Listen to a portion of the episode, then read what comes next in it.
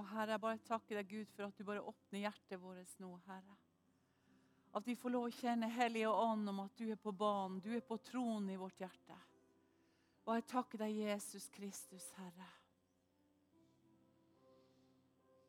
Bare prise deg, pappa Gud, Herre. Jesus, Jesus, Jesus. Takk, Gud, for at du skal åpenbare deg for oss, Herre. Jesus, Jesus, du er mer enn nok for oss, Herre. Du er overflodens Gud, El Shaddai, Herre. Og vi bare tilber deg, Herre. Vi tilber deg, Jesus. Takk, Herre, for at du skal gi oss kunnskap, visdom og åpenbaringsånd, Herre. I erkjennelsen av deg, Herre Jesus. At vi bare drar opp ifra ditt hjerte, Herre Jesus. Dine kongelige juveler, Herre. Og bare ikler oss din kraft, Herre, fra helligdommen. Jesus, Jesus. Takk, Gud, for din styrke, Herre. Vi bare hengir oss, Herre, til deg nå, Herre. Takk, Jesus, Jesus. Takk, Jesus. Takk, Jesus. Og Jeg bare kjenner at i lovsangen og i tilbedelse så bare smelter hjertene våre sammen. Vi bare hengir oss til Gud. Halleluja, halleluja. Å, takk, Jesus. Takk, Jesus. Takk, Jesus. Og Salme 82. Gud står i Guds forsamling. Han dømmer blant gudene. Hvor lenge vil dere dømme urettferdig og ta parti for de ugudelige? Sela. Jeg tror Gud vil tale til menigheten i dag at uh, vi har ikke rett på noe partiånd. I Guds menighet fins det ikke noe partiånd. Gud løser oss ifra en partiånd. Og jeg leser en gang til. Gud står i Guds forsamling. Han dømmer blant gudene. Hvor lenge vil dere dømme urettferdig og ta parti for de ugudelige sela? Frikjenn den hjelpeløse og den farløse. Gjør rett mot den elendige og trengende. Utfri den svake og fattige. Fri ut den ugudelige sånn fra den ugudelige sånn. Midt i menigheten er det vi skal gjøre dette. De erkjenner ikke, og de forstår ikke, altså de ugudelige. De vandrer omkring i mørket. Alle jordens grunnvoller rokkes. Jeg sa, dere er guder, og dere er alle den høyeste sønner. Men som mennesker skal dere dø, og som en av fyrstene skal dere falle. Reis deg, Gud, døm jorden, for du skal arve alle folkeslag. Herre, vi ber, reis deg, Gud, Herre. Driv ut partiånden ut ifra menigheten, Herre. Ut ifra mitt hjerte, ut ifra våre hjerter, Herre. Gud i himmelen, du som dømmer i de rettferdiges forsamlinger, Herre. Du Gud som har kalt oss for Gudes sønner, Herre. Vi som er dine barn, Herre. Som har fått autoritet, Herre. På denne jorda, på grunn av menigheten er din øyensten, Herre. Så hjelp oss så vi kan dømme rettferdig, Herre. At vi kan være med å hjelpe den fattige, den hjelpeløse, den trengende, den ugudelige, den som ikke har forstand, Herre. Gud, gi oss guddommelig forstand og nåde, Herre. Herre, la dagen i dag, Herre, bli en sånn dag der du gir oss guddommelig åpenbaring og forstand, Herre. At vi er Gudes sønner. Vi er dine barn, Herre. Vi er dine rettferdige, Herre. Takk, Jesus, Jesus. Vi tilber deg, Herre. Vi takker deg, pappa Gud. Vi priser deg, Jesus Kristus. Vi ærer deg, Hellige Ånd for at du bor ved troen i våre hjerter. Og at du skal formidle sånn at vi forstår. At vi får åpne øyne så vi ser. At vi får åpne ører så vi hører. Dette er Herrens røst. Halleluja. Ikke ved hær og ikke ved makt, men ved din gode, hellige ånd. Amen. Amen. Tusen takk for lovsangen. Halleluja. Eh, det her er kompendiet eh, som eh, egentlig går over fire dager. Men jeg skal prøve å ta litt av hver bolk, sånn at vi får med oss litt av hvert her. Eh, vi som er her, de, fleste av oss kjenner nok Gud. Så eh, vi skal ta første delen. Det, er vår grunnvoll i Jesus Kristus. Eden, Guds ed, Edens hage. Autoriteten i Jesus og engler. I dag er det veldig mye engledyrkelse, mye mer enn vi er klar over. Jeg og Bjørg vi var på en sånn misjonstur opp til Vardø. Og så gikk vi opp på puber og gater og steder og overalt. Og det er jo der Gud vil at vi skal være.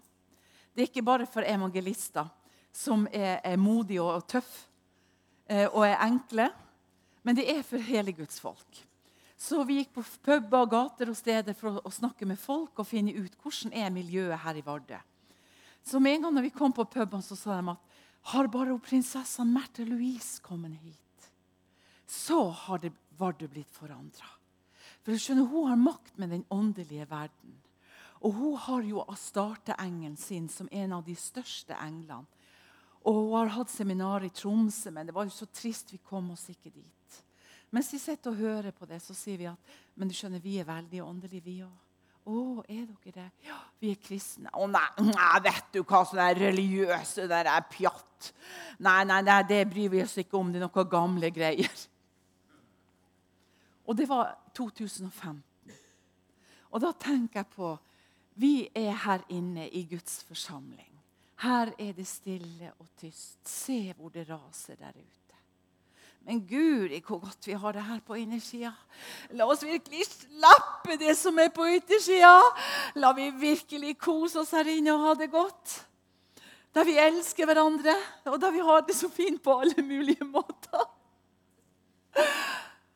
Og så sier jeg til denne dama at er det noe spesielt som plager deg. Ja, det var noe det at Hun hadde så veldig vondt i en arm. Og i fjor så hadde hun plukka 200 liter multebær. Og i år hadde hun ennå ikke fått vært på multebærmyra. Men så sier jeg kan ikke vi få lov å be for deg. Ja, ikke be så høyt. Så vi satt på puben jeg og Bjørg, og vi la hendene på og vi ba for henne. Vi prata med folk litt rundt omkring, og vi gikk nå hjem. og Dagen etter så gikk vi på en butikk og skulle shoppe noe sånn treningsklær. og sånn, eller sånn over det. Og så plutselig hører jeg en kjent stemme som står bak meg. Og du vet at De bruker jo banneord med annethvert ord. Og så sa de tror du ikke jeg blitt god i denne armen. Du skjønner det, I år har jeg bestemt meg jeg skal plukke enda mer enn jeg plukka i fjor.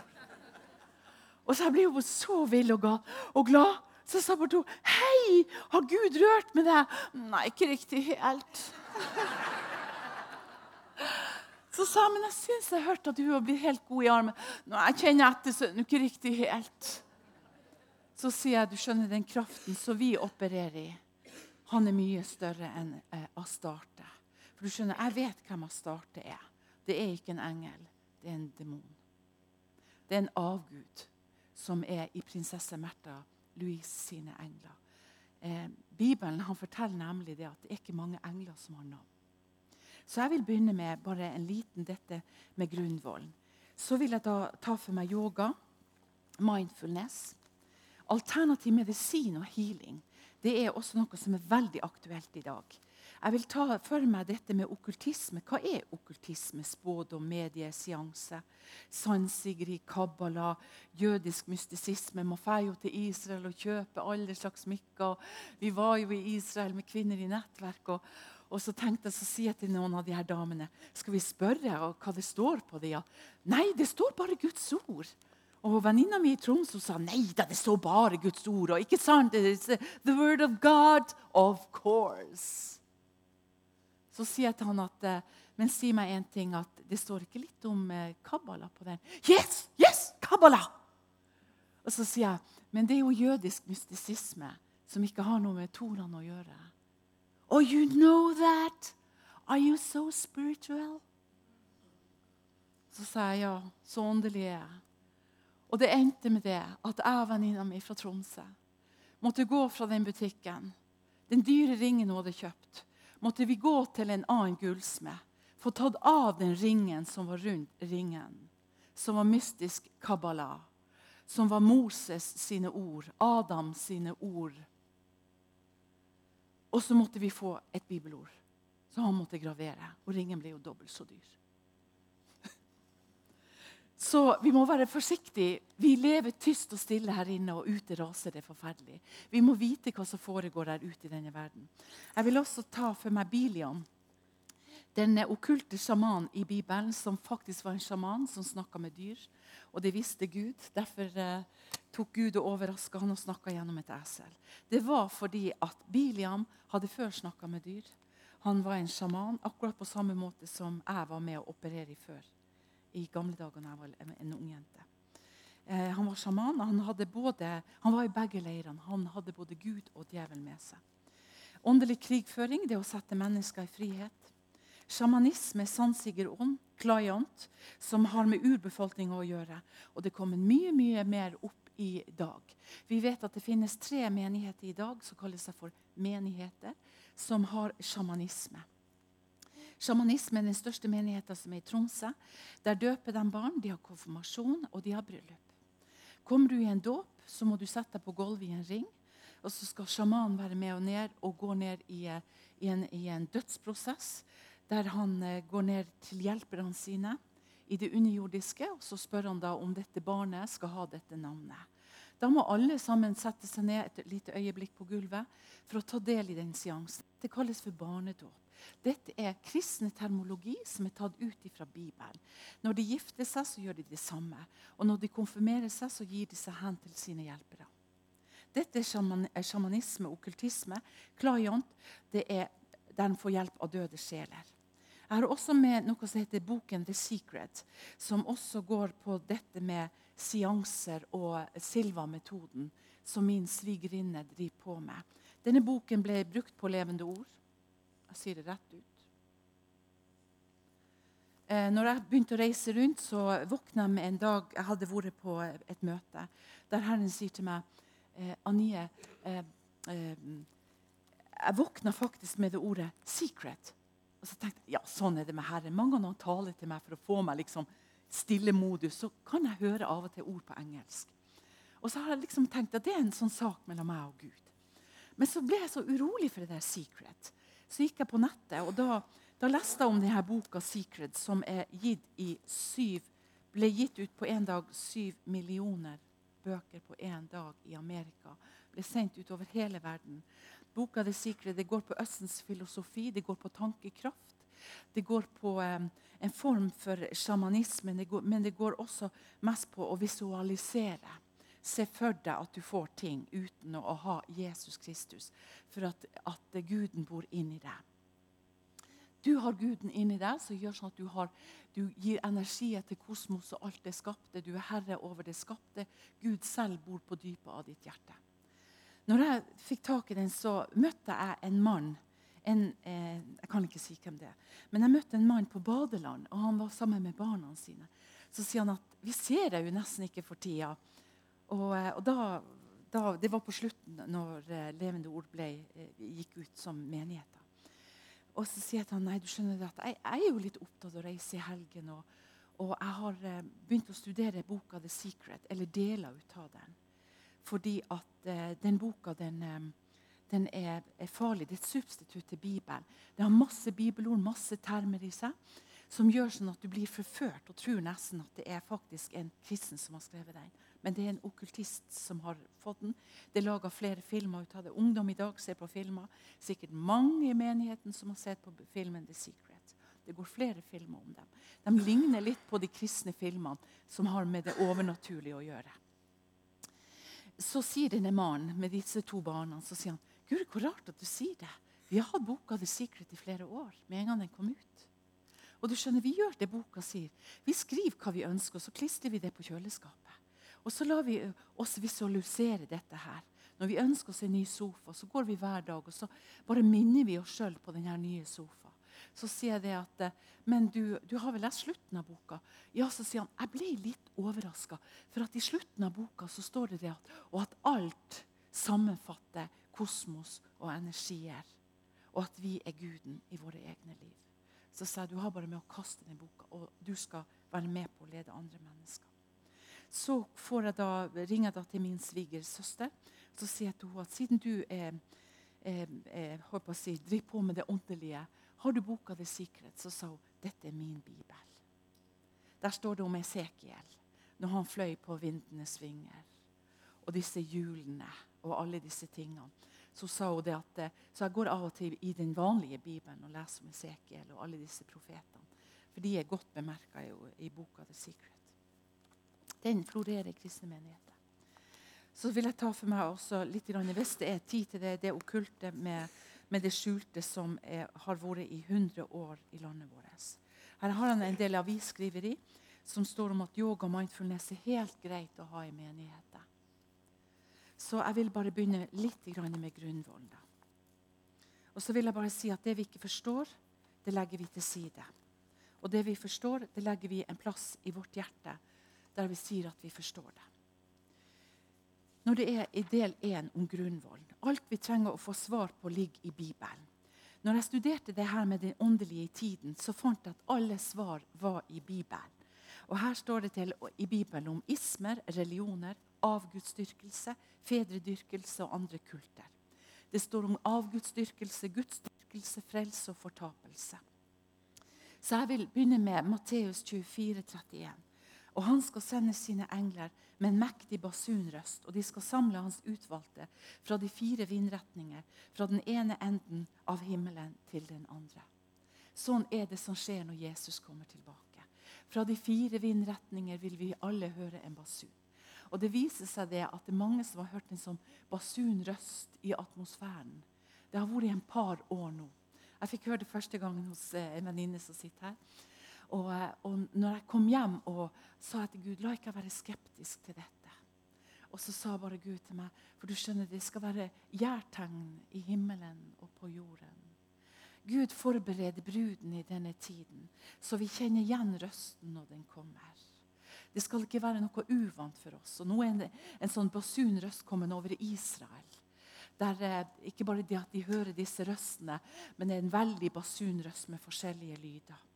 Og jeg må si at når jeg ble frelst og født på ny og kom ut av dette okkulte og begynte å tilbe Gud, så bare hørte jeg en basunrøst som var så gjennomskjærende at den gikk gjennom ånd, sjel, ledd og marg og dømte mitt hjerte, ord og råd. At jeg fikk lov til å gå til Gud og si, 'Herre, frels meg. Rens meg fra alt dette okkulte som jeg har vært med på.' Da gikk Herrens sverd inn i min ånd og fødte meg på ny. Og når sverdet som er tveget, gikk ut, så tok han med seg alle disse demonene. Jeg hadde seks demoner i kroppen. Den syvende var Lucifer sjøl. I, i, i Kolossene 1,13 så står det For han har fridd oss ut av mørkets makt og ført oss fram i sin elskede sønns rike. I ham er vi kjøpt fri og har fått tilgivelse fra våre synder, som er det bildet på den usynlige Gud, den førstefødte framfor hele skapningen. Jesus Kristus, den usynlige Gud, har tilgitt oss og frelst oss og forløst oss i ham, i Den hellige ånd. For det står i Bibelen i ham, Jesus Kristus, er alle ting blitt skapt. Det som er i himmelen, og det som er på jorda. Så er det settla fast. Alt er skapt til ham og for ham. Sånn er det med den saken. Og han bor ved troen i våre hjerter. Så ingen må komme her og komme her. Jeg har et lite vitnesbyrd om en liten gutt.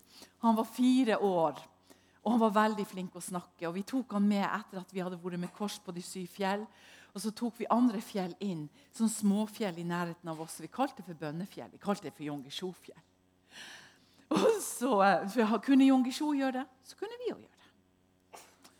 Og, eh, og, der gikk vi opp på disse fjellene. Og jeg husker om, om, eh, om vi hadde bedt før vi gikk opp, jeg og venninna mi. Og han lille fireåringen han var nå til stede der. Og mens vi drev og kledde på oss, så ble den lille fireåringen fylt med Den hellige ånd. Han gikk der i kjeledressen. Og så hadde han hørt at vi hadde sagt eh, at eh, Satan har ingen del i oss. Han må bare ikke komme her. For at Gud bor ved troen i våre hjerter. Og så gikk det et barne-TV som het 'Må ikke komme her og komme her'. Så når vi gikk opp på fjellet, så sa mora kan ikke du, Espen, du bare går først, og så kommer jeg og Anie etterpå. For vi hadde ikke lyst til at han skulle høre at Satan vil drive deg ut. For under dette fjellet var det veldig mye psykiatri. Det var veldig mye skilsmisse og psykiatri. Og så tenkte vi er det noe som er i nærheten, i atmosfæren her, så skal vi, Guds barn, få lov å bare drive det ut. Gud elsker de mennesker som bor akkurat under den toppen der. Og disse bunkersene i Olsvik. Og så Vi gikk der og ba. Og så sier hun Anne jo, for, eh, eh, til han Espen jo, for Bibelen sier at, du, at Gud skal ta de barn og de manns barn. Har du beredt et vern, en lovsang for vår Gud? Så tok han en pinne, og så gikk han foran oss. Satan! Må ikke komme her og komme her! Og så gikk han i bunkersen, så slo han rundt. Der så vi kadaver av rotte. Kadaver av katter. Det var sikkert sånne rasekatter.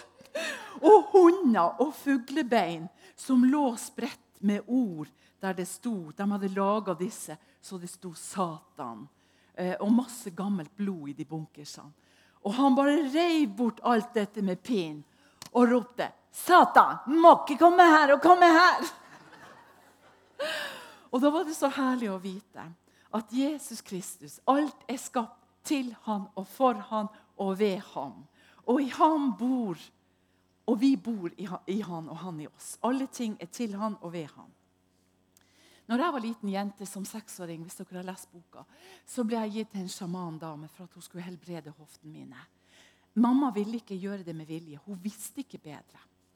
Men da står det altså allerede i 3. Mosebok 1931.: Vend dere ikke til åndemanere og til dem som driver på med spiritisme.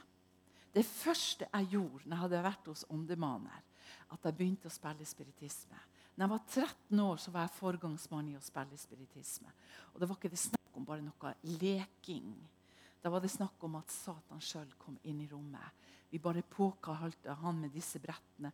Vi holdt hendene sammen, og vi påkalte åndeverden, han var til stede i rommet. I rommet ble det gjort mye okkult, mye uren seksualitet og andre ting.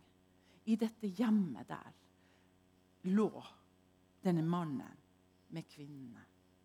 Så mye urent er det i spiritisme. Så mye urent er det å lese horoskop i avisa så mye urent.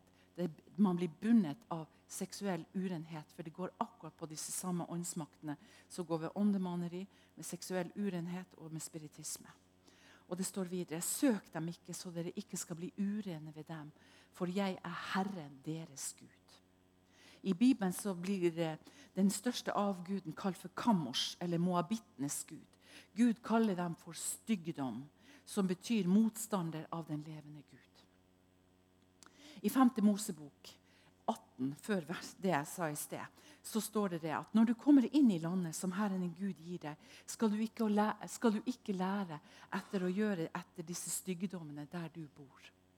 Med andre ord, i Finnmark var det mye fedredyrkelse.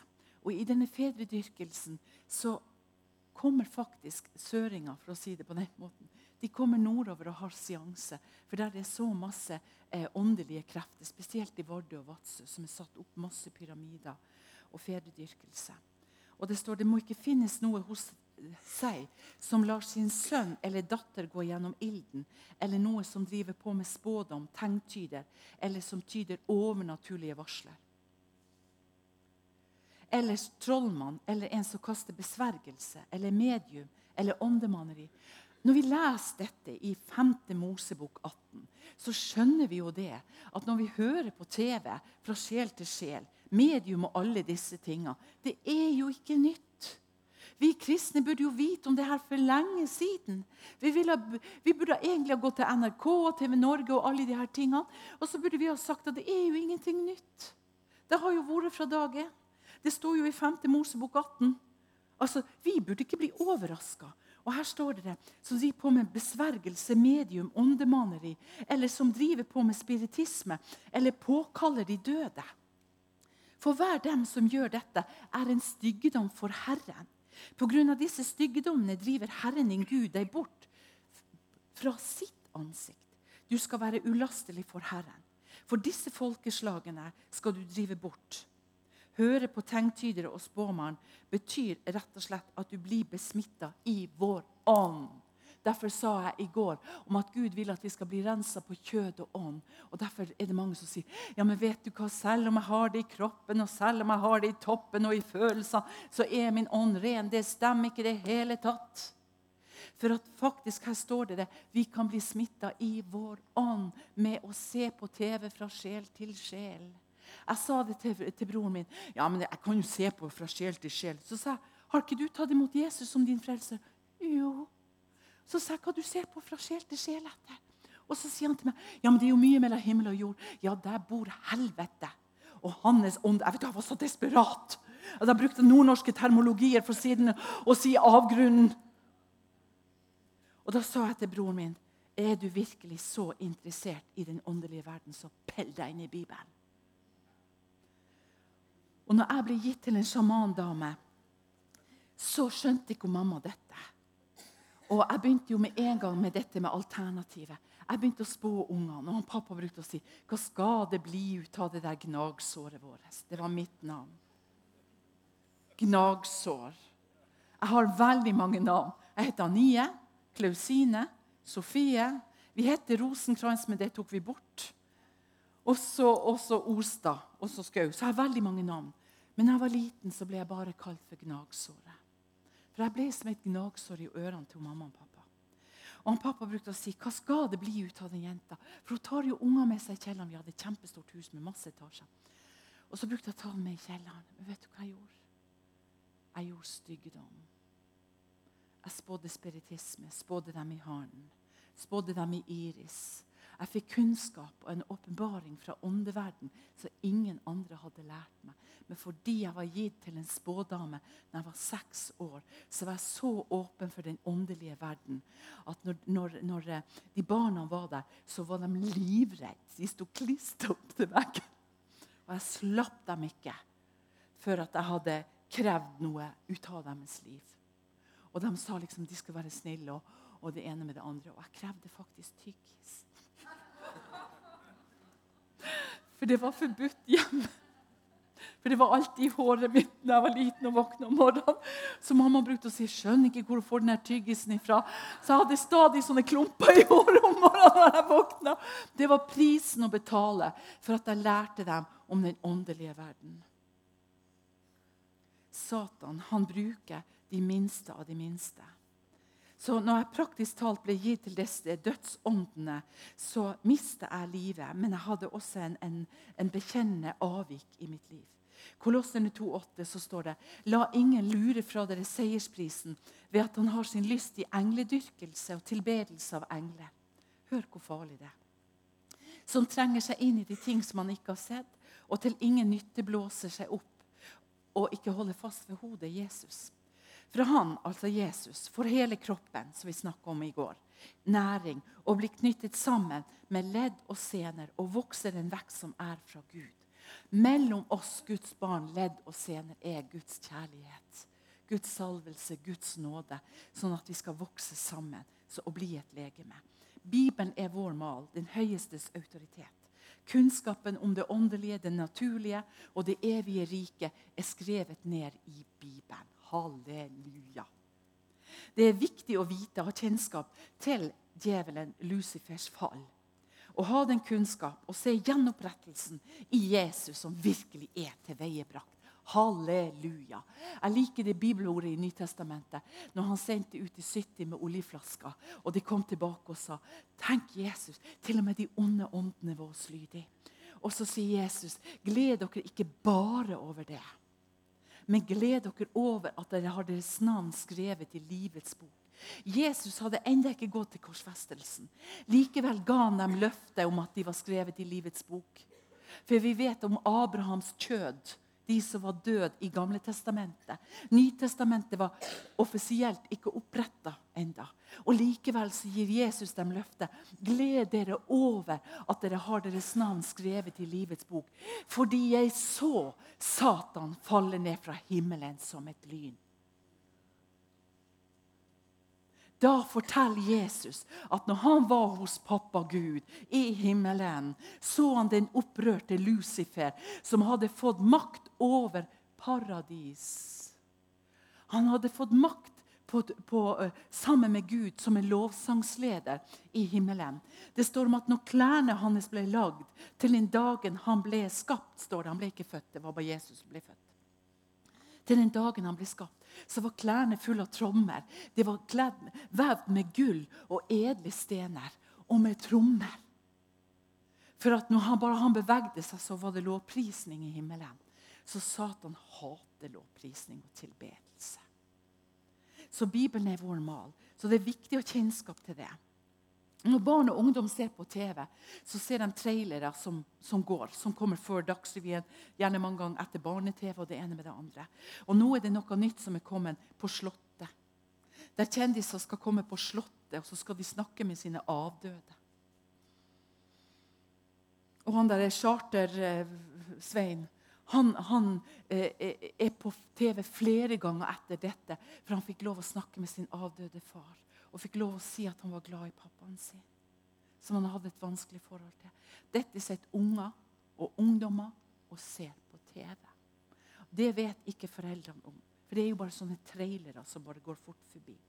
Altså, vi har ansvar for den neste generasjon. Både å fortelle om Guds engler og om, eh, om eh, fallet, Lucifers fall.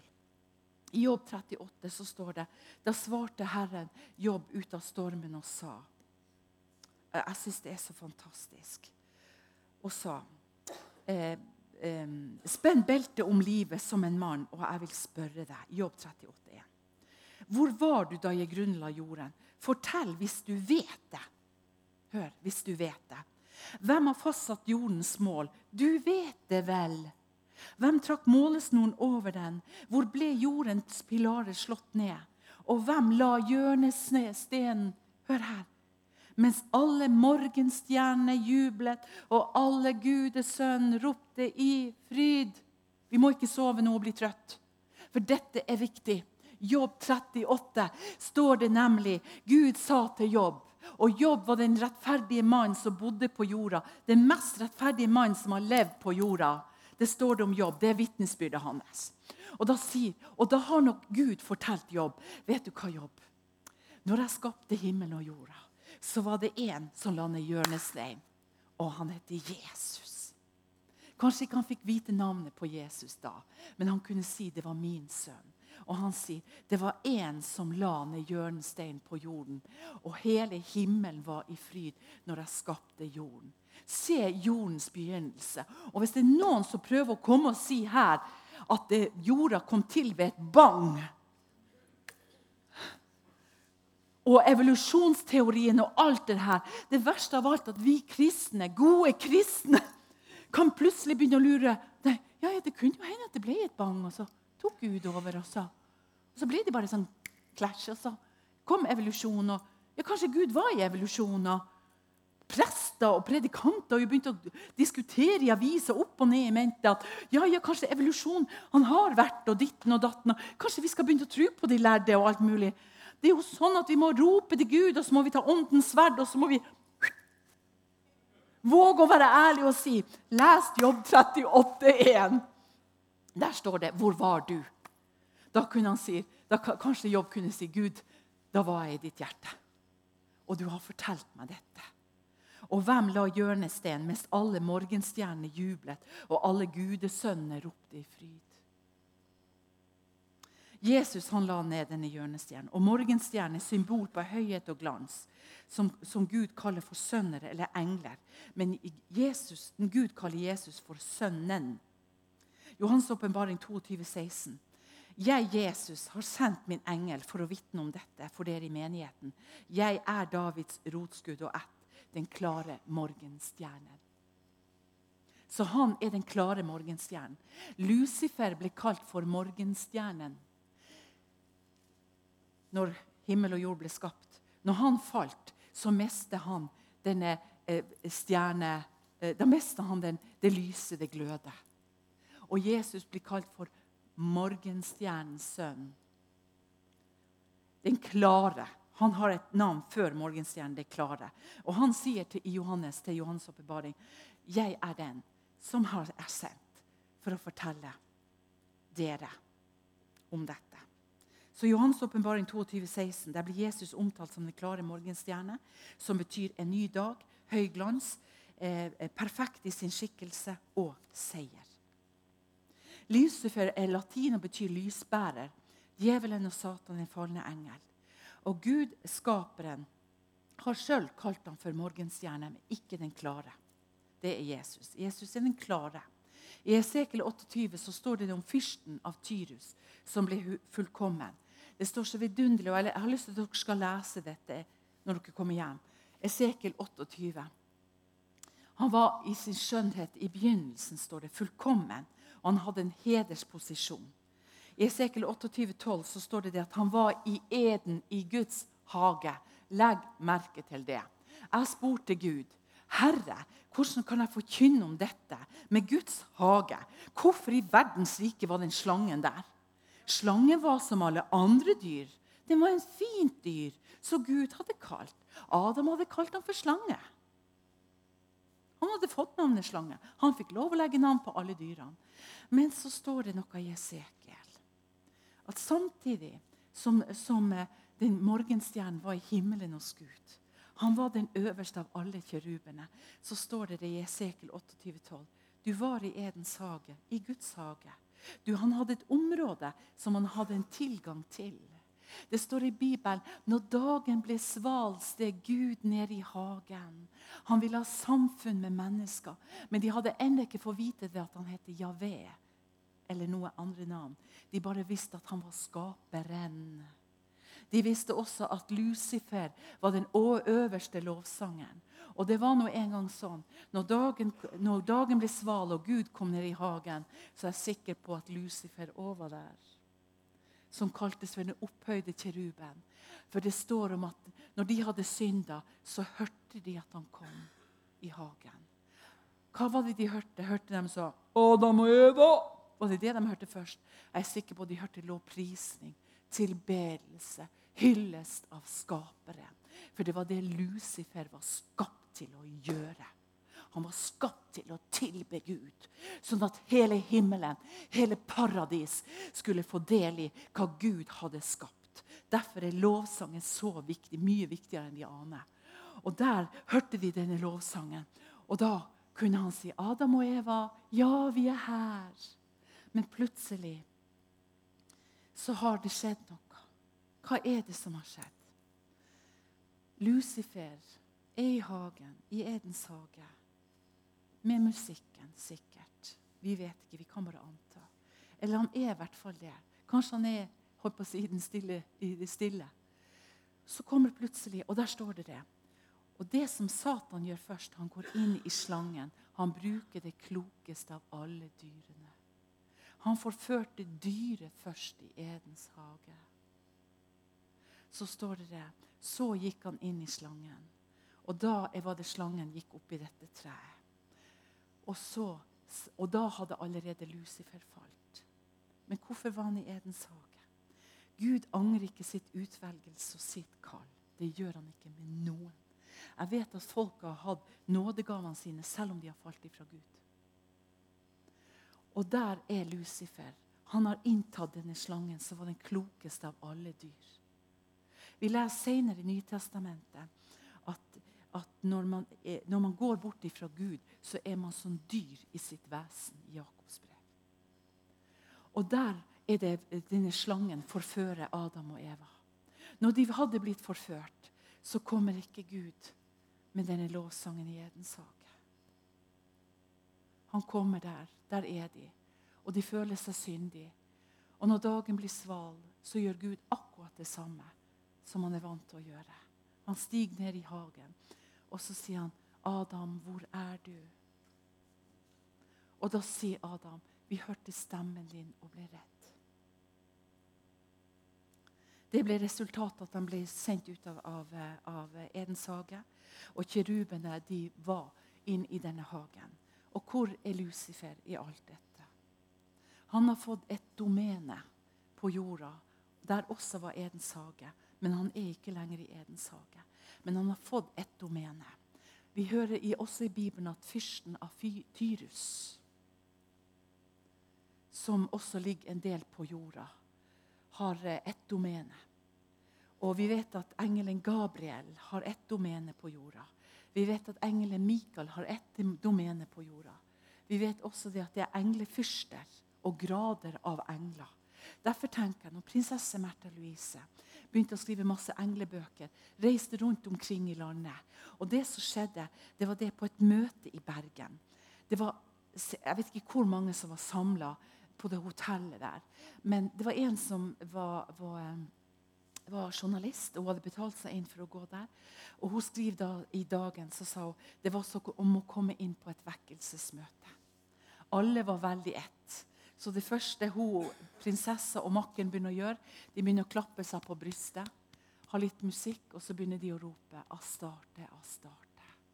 Og når de klapper seg på brystet, og etter en liten stund begynner noen å gråte, noen begynner å falle fra stolene, noen begynner å le, og så sier hun 'Nå er Astarte her'. Kjenner dere ikke engelen Astarte?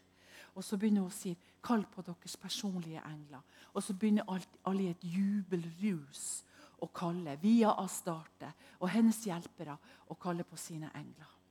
Det står i Bibelen den er forbannet. Hebreerne 2. Derfor må vi gi større akt på det vi har hørt. At vi ikke driver bort. For om det er ord som er talt ved engler, viser seg å stå fast. Og overtredelse og ulydighet fikk sin rettferdige straff.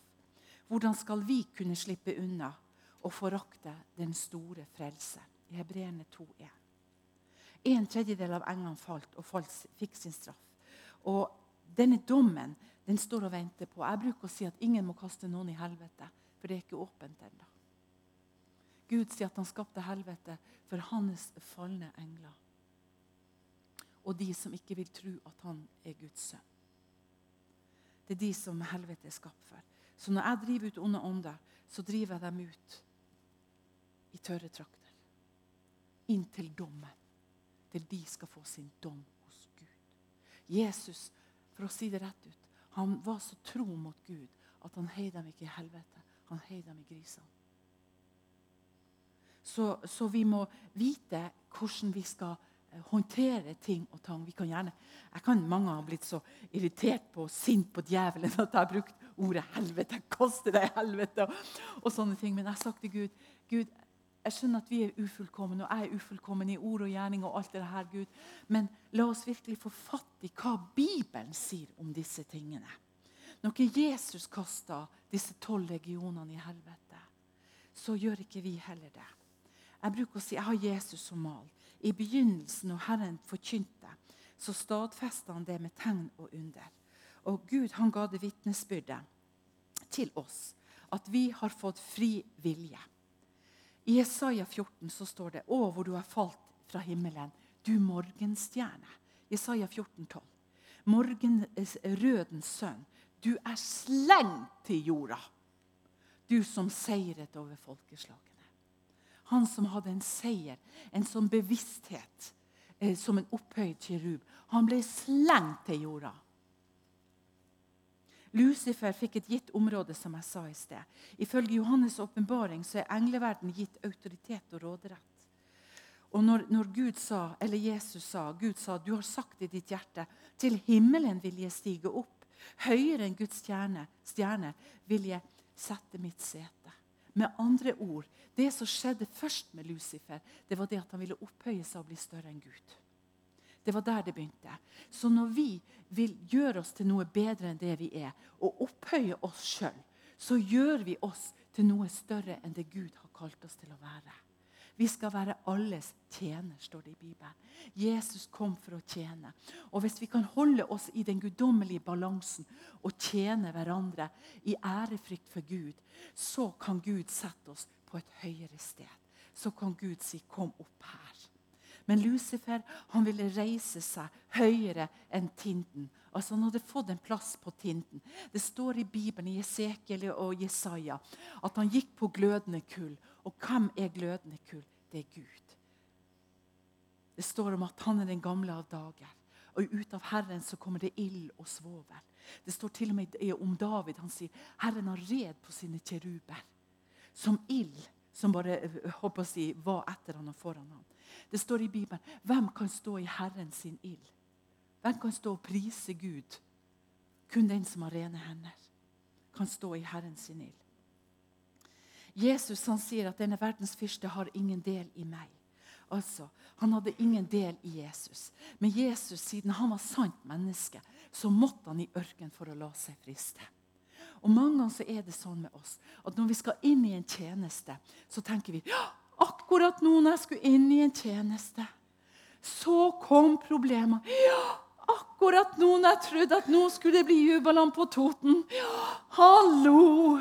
Nå føler jeg bare at jeg går ti steg tilbake. Jeg som skulle gå ti steg frem. Men vet du hva? Jeg bruker bare å si halleluja. Når Gud sa til meg at jeg skulle legge meg under min mann sitt hjerte, selv om han ikke var frelst, da begynte håper å si, liv og død. Da lurte jeg på om jeg måtte bare slutte å være forkynner. For da sa, ville min mann si bye-bye. Men da sa Gud til meg, legg deg under hans hjerte. Vær dette ribbeinet som jeg har kalt deg til å være. Driv ut kvinnesjåvinisten i ditt eget hjerte. Driv ut den derre opprørske Eva. Og da måtte jeg rett og slett drive det ut av mitt eget hjerte. Ikke for at jeg skulle være underdanig og ligge der eh, flat på nesen i forhold til min mann, men for at jeg skulle få lov til å være hans make, hans like. Han var ikke frelst, men det var ikke mitt problem. Guds problem. Så når Jesus ble frista i ørkenen, så sa han det at da bøyde han seg ikke for denne tilbedelsen, men han sa at Herren din Gud skal du tilbe, og Han alene skal du tjene. Er det ikke fantastisk? For du skjønner, vi blir under den Herren, den vi tjener. Når vi tjener kjøttet vårt, så tjener vi egentlig Satan. Når vi tjener eh, eh, sårhet og skuffelse, så tjener vi Satan. Og Det betyr ikke at vi skal ha lov å bli såra og skuffa, og alt mulig der det her. men det betyr at det er en vei å gå. Da tjener vi ikke kjøttet, vi tjener ikke den åndelige verden, men vi tjener Gud. Når Jesus ble frista, så visste faktisk Lucifer, den opphøyde kjeruben som hadde blitt falt til jorda. Da står det det. Han visste stillinga til Jesus. Han visste at Jesus var blitt sant menneske. Han visste at Jesus skulle betale en blodpris. Og Dermed så var det til å ta livet av ham fortest mulig som menneskesønn. Og Han visste at Jesus hadde en autoritet som den eneste Guds sønn. Og han benytta anledningen. Esekiel 38 har to bunn i seg. Først er det fyrsten av Tyrus og Sidon som et menneske. Og Det andre refererer også til Lucifer, en opphøyd kirub som var fullkommen, som hadde et mega-ansvar, et stort ansvar. Guds hensikt det var å gi mennesket jorden ved lydighet. Ved lydighet. Fordi at mennesket, når de kom i Edens hage, så hadde fri vilje. De hadde fri vilje. De visste hele himmelen at de hadde fri vilje. Det står en plass i Bibelen, jeg husker ikke hvor, men det står selv, selv, selv det skapte himmelen var ikke rent i Guds øyne. Det var kun én som var ren, og det var Jesus, Guds sønn. Han kunne ikke bruke en engel til å, å, å gjøre at vi skulle eh, eh, si, få, få, livet tilbake når en engel hadde vært opprørsk i himmelen, som ikke var ren i Guds øyne. Og kun én, og det er Jesus. Derfor syns jeg det er så vidunderlig å tenke på uansett om det kommer en engel i uh, megastor, uansett hva han vil gi eller vil gjøre eller vil si. Han har ingen del i oss. Og vi skal ikke tilbe engler. Og Det er kun Jesus som skal herske. Og Gud ville at vi skulle herske som Adam og Eva ved lydighet. Derfor sa Gud at de kunne spise alt i Edens hage, men ikke røre treet av godt og ondt. Der var det de fikk sin vilje. Hele himmelen hadde fått sin frie vilje til å tilbe Gud. For, tilbe, eh, for tilbedelse frivillig er frivillig. Skal vi virkelig gå inn i den himmelske atmosfæren, så må vår hjerte være tilbedelse av frivillighet. Vi kan ikke komme framfor Gud av tvang. Da går vi rett til helvete, for å si det rett ut. Men skal vi komme fram for Gud, så er alt av fri vilje. Guds paradis og Edens hage, alt det Gud har skapt, er fri vilje. Det er dette som kalles for agapekjærlighet. Det er det som er DNA-et i agape. Alle de andre kjærligheten bærer ikke agape i seg, er ikke fri vilje. Hvis du elsker meg, Bjørg, så elsker jeg deg. Hvis ikke du elsker meg, så elsker ikke jeg deg. Nei. Dette er det men, men, me, menneskelige mellom kjærligheten. Og Jeg husker jeg hadde en venninne hun sitter nå her. Hun sa en gang at jeg har fått nåde hos Gud til å elske min mann med agapekjærlighet. Jeg skjønte ikke hva det betydde. Jeg skjønte det ikke. Går det virkelig an? Han som var litt sånn og Jeg tenkte, hvordan går det an? Du må jo holde deg for nesen. Altså, hvordan går det an? Men jeg har opplevd det senere i mitt voksne liv. I mitt voksne liv. Håper siden jeg hadde fått en tid med Jesus, at jeg virkelig kunne elske min mann med agapekjærlighet. At jeg kunne elske de som forfulgte meg, med agapekjærlighet. De som ikke elsker meg igjen. Naboene som ikke inviterte meg, kunne jeg invitere pga. agapekjærlighet. Jeg kunne gå på psykiaten, jeg kunne gå på sykehuset overalt. Jeg kunne vaske til noen. Jeg husker jeg og søstera mi hadde hoftefeil. Det var vidt at vi klarte å knekke oss inn i bilen. Og så sa hun til meg ja, er det ikke rart det her med, med, å bare gi oss til Herren? Vi makter alltid Han som gjør oss sterke, sa hun. Og så knakk vi oss inn i bilen, og så måtte vi legge oss på sofaen når vi kom hjem. For da hadde vi sånne smerter i hoften. Men det, det betydde ingenting. For vi, vi, måtte vaske til de som gikk på nervemedisin, som ikke så skiten sin sjøl. Og det var jul, og vi måtte jo handle for dem. Dette er agapekjærligheten. Det er den frivillige kjærligheten som bor ved troen i våre hjerter. Faktisk Den kjærligheten som heter eros, som går til mann og kvinne, den blir også brukt til kvinne, kvinne, mann, mann i dag. Han har ingen fri vilje av tilbedelse i seg. det hele tatt. Han går kun på det menneskelige. Eh, og alle disse former for kjærlighet det er noe som Gud har gitt oss som mennesker. Men når vi blir frelst og født på ny, så opererer vi i en agapekjærlighet som ikke bare tilber Gud, men han blir avhengig av Gud. Han får næring av Gud. Guds hensikt med å gi mennesker jorda, det var med lydighet. Lydighet er bedre enn offer, står det i Bibelen. Det er, det er frihet, det er frivillighet til Gud. Ulydighet, som Lucifer hadde, det betyr et annet ord. Misfornøydhet, som avler utakknemlighet, og som føder synd. Jeg sier det en gang til. Gud sa til meg at jeg vokt deg for ulydighet. Hvis Gud sier til meg hvis du vet å gjøre noe godt og ikke gjør det, så blir det som synd. Hvis du går forbi en dame, og hun har vært sur Vi har en nabo. Hun var så sint at hun kasta egg etter oss og etter min nabo. Jeg måtte gå til naboen og trøste navn. Der satt hun og gråt. Hadde blitt kaldt for at hun ikke var god nok med barna sine. Hun er førskolelærer, og mannen er lærer. Det er de beste foreldrene, eh, nydeligste foreldrene jeg i hvert fall har møtt noen gang. Vi har tre barn. Så hadde hun kommet fra altanen sin, klæsja egg både på oss og på henne, og, og sånne ting. Hun skulle anmelde dem til barnevernet. For at hun var så irritert for at ungene gråt, og, og det, og det hørtes i, i rekkehuset. Og da bare sa Gud hjelp meg. Så sa Gud la agapekjærligheten inntre når du møter henne. Inntre. Forsvar henne. Forsvar henne faktisk med agapekjærligheten. Så jeg måtte trøste henne, og så måtte jeg ta andre og trøste henne. Og, og da merka jeg at det var Gud som sa det til meg. Jeg hadde lyst til å baktale tøtta med eggene og, som heiv både eh, råtne egg og jord og alt mulig ned på andre sine plasser. Og jeg hadde lyst til å gå i en sånn rundgang. Ja, hun er ikke riktig klok. Å, hva er så feil hun Men da sa Herren til meg én ting vet du. Ved lydighet er bedre enn offer. Så jeg måtte gå nær den dama og så måtte jeg si gode ord til henne. Og jeg mente det fra dypet av mitt hjerte. Og eh, lydighet, ved å leve i denne friheten, ulydighet, fører til misfornøydhet, avler utakknemlighet og føder synd. Det var det som Lucifer gjorde som opprørsk. Nå skal jeg ikke fortelle eller vitne mer om, eh, om eh, si paradis og den delen. Um, hva har vi kristne som andre religioner ikke har? Vi har noe som kalles for guddommens fylde, som betyr overflod i totalitet. Tør vi å si det? At vi har overflod i totalitet. Vi vet at når en hersker, en leder, kan hete Khomeini Han hadde en overtotalitet der han var. Folket var bøyd under frykt, frykt og kontroll. Det var en totalitær styre i land. Mens vi i den åndelige verden har vi fått et totalitær styre sammen med Gud, Faderen, Jesus Kristus. Det må vi våge å si til oss sjøl.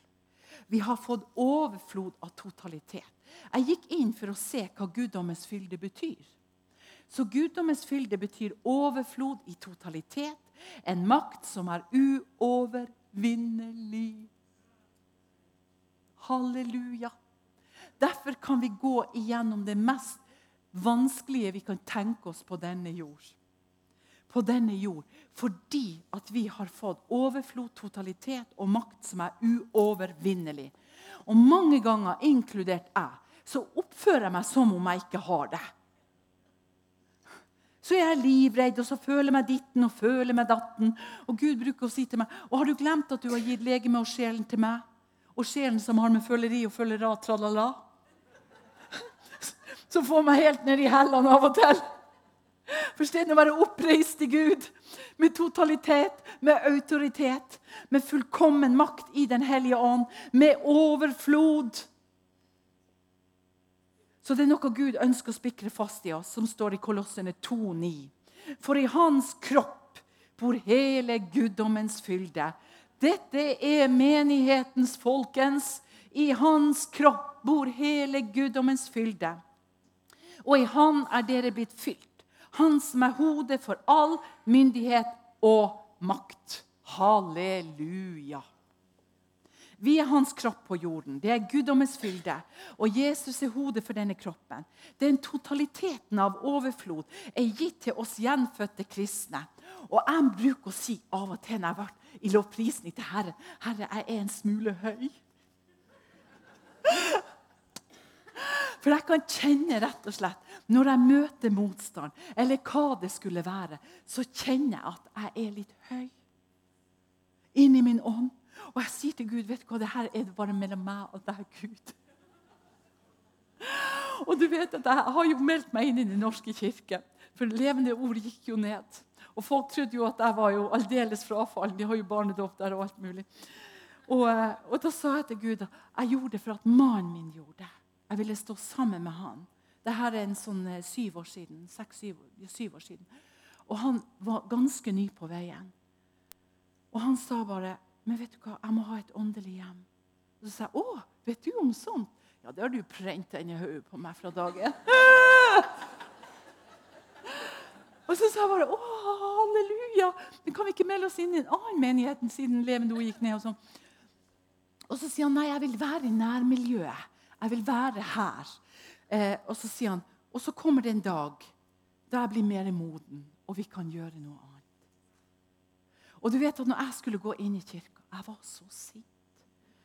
Jeg hadde ikke noe, jeg følte jeg hadde ikke nåde for noe. Jeg hadde ikke nåde for prestekjolen. Hadde ikke nåde for alteret. Og den ringen der, hva skulle den der etter? Barnedåpene, hva de sto der med dagen derpå og var i bakrus og sa ja, jeg lover å be for dette barnet. Jeg bare kjente Gud, er så sint. Gud, hjelp meg.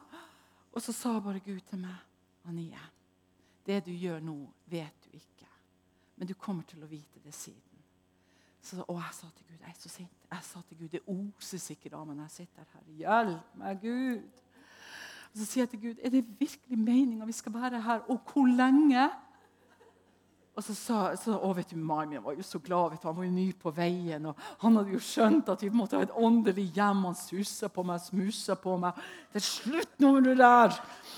Hele tida skulle holde meg i hånda. Jeg var så klam jeg var så utslett i hånda når vi, gikk, når vi skulle synge 'La oss prise Herren'. Og jeg tenkte 'slipp meg nå'. Men så var det noe Gud sa. Annie, ydmyk deg. Jeg prøver å ydmyke ditt hjerte, og du har ikke forstått det. Den ydmyke gir deg nåde. Ja, Men kjære Gud, du trenger ikke å ydmyke meg her. kan jo ydmyke meg en annen plass. Så sa Gud akkurat her. Jeg bor i dette eh, området, og vi har ikke menighet. Jeg har på å si utenom kirka. Og, eh, og Herren sa til meg jeg har satt det her for en hensikt. For du har i mange år inntatt dette landet. Jeg og venninna mi vi gikk på alle blokkene, alle rekkehusene, enebolig, strek blod, nei, olje på dørene. Vi ba i ett år. Vi inntok denne byen på 12 000 innbyggere i løpet av ett år. Og Gud sa ikke du tenkt å innta den byen snart? Har ikke du tenkt å gjøre en forskjell snart? Nå er det gått 20 år siden. Så når jeg kom i kirka, så kom jo pressen bak og hilste på meg. og liksom, hei. Så sa han til meg vi vet hvem du er. Vi har googla det. For mannen din kom jo først. Så vi har venta på deg, og vi vet at du er forkynner. Så vi tenkte nå for at Hvis du kommer inn i kirka, så vil vi spørre om du vil forkynne her. Og jeg tenkte bare «Mm, Å, sier du det? Så jeg visste ikke helt hvordan jeg skulle oppføre meg. Og så sa jeg bare til Gud det er ikke meningen jeg skal være i kirka. Og så skulle jeg og venninna mi vi skulle møtes i byen. Og Vi drakk masse kaffe og vi satt og prata. Hun var jo overraska at jeg skulle være i kirka. Og jeg sa til henne ja, ja, men du har vært sammen med din mann i alle år. Endelig skal jeg få lov å sitte med min mann sin side. Og Jeg sa jo ikke at jeg var så opprørsk og sint. og alt det der. Så sier jeg bare til henne jeg, jeg gjør det faktisk for mannen min. Og det står i Bibelen hvis jeg elsker det jeg har sett, da kan jeg si at jeg elsker Gud. Og jeg, jeg, jeg, bare, jeg har bare bestemt meg. Og så kom vi da på toalettet. Og du vet, Damedoen, der står jo alle opp med vasken og sminker seg. og De går jo til gratisdoen, og så var det da du skulle eh, putte penger på. Og, og, Det var jo så mye styr der, og ingen har jo penger for tida. Vi har jo bare kort. Og så når vi kom der på eh, gratisdoen, så tenkte jeg vi kan ikke stå her er 12-13 mennesker. Og til slutt så fant jeg en tier. Og hun, Venninna mi fant også en tier i veska. Så vi gikk nå inn der. Men plutselig så kjente jeg det at Guds ånd kom over meg der hadde jo vært på møte på søndag. Hun var det første vitnet jeg hadde vitna til. At jeg skulle gå inn i kirka sammen med min mann. Og så har Gud et problem. Jeg har overlatt dette problemet til Herren. Det er Guds skyld. Og så, og så sier jeg bare til, til venninna Når jeg kom inn der, så var jeg så fylt av Den hellige ånd. Så begynte jeg bare å synge. La oss prise Herren. Halleluja, halleluja, halleluja. Herrens navn være lovet. Amen, amen. Jeg tenkte, å nei, hva jeg gjør Kjære Gud. Jeg gjorde mitt fornøden. Men jeg var så fylt av Den hellige ånd. Herren velsigne deg og bevare deg. Herren la sitt ansikt lyse på deg og være deg nådig. Og så tenkte jeg, hva er det jeg driver og gjør? Står jeg her og hermer etter pressen? Gud hjelp! Men tilgi meg, Jesus! Men jeg var så fylt av Den hellige ånd, så jeg klarte ikke helt å skjønne hva jeg gjorde. Så kommer jeg ut, da. Så, så ser jeg ei dame stå med vasken opp med blir Og så tenker jeg, ikke verdens sikkert, tenkte jeg, må til vasken. Vi, vi må jo til vasken. Og så sto det masse sånne damer på gratis, og venta på gratisstolen. Og så sier jeg til henne, 'Hvorfor står du her og griner?' Så sa hun, 'Den sangen har jeg ikke hørt siden jeg var konfirmert.' Og så sa jeg, 'Har du ikke?' Så sa hun, 'Vil du be for meg at jeg må bli frelst?' Jeg bare tenkte, hva i alle da? Så sa jeg, 'Vil du ta imot Jesus?' 'Ja', sa for du skjønner, det var du som sang, ikke sant? Jo. Og så sa hun til meg, 'Kan du be for meg, og så kan du synge den sangen en gang til?'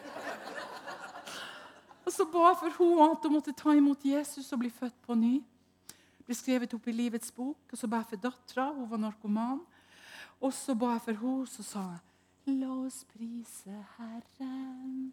Og Idet jeg sto og sang det til henne, så kommer hun venninna mi ut av det andre doet. Hun hva er det du driver på med? Jeg står og klint inntil en dame. Og så, og så sier jeg har du et bibelord. For hun var så flink i Bibelen. Og så sier hun jeg har fra Jesaja. Og så siterte hun fra Jesaja. Jeg ble slått for dine overtredelser, knust for dine misgjerninger. Så begynner dama å gråte igjen. Så sier hun det var det jeg fikk i Bibelen jeg var konfirmert. Så det var så fantastisk. Og da sier de andre damene sto på gratisdoen det var hun som sang, det var hun som ba. Så når jeg kom i kirka, så hadde jeg litt mer større frimodighet. Jeg hadde ydmyka meg for Herren. Og presten sier at ja, nå, med, nå, nærmer vi oss den store høytiden da ånden falt over menigheten.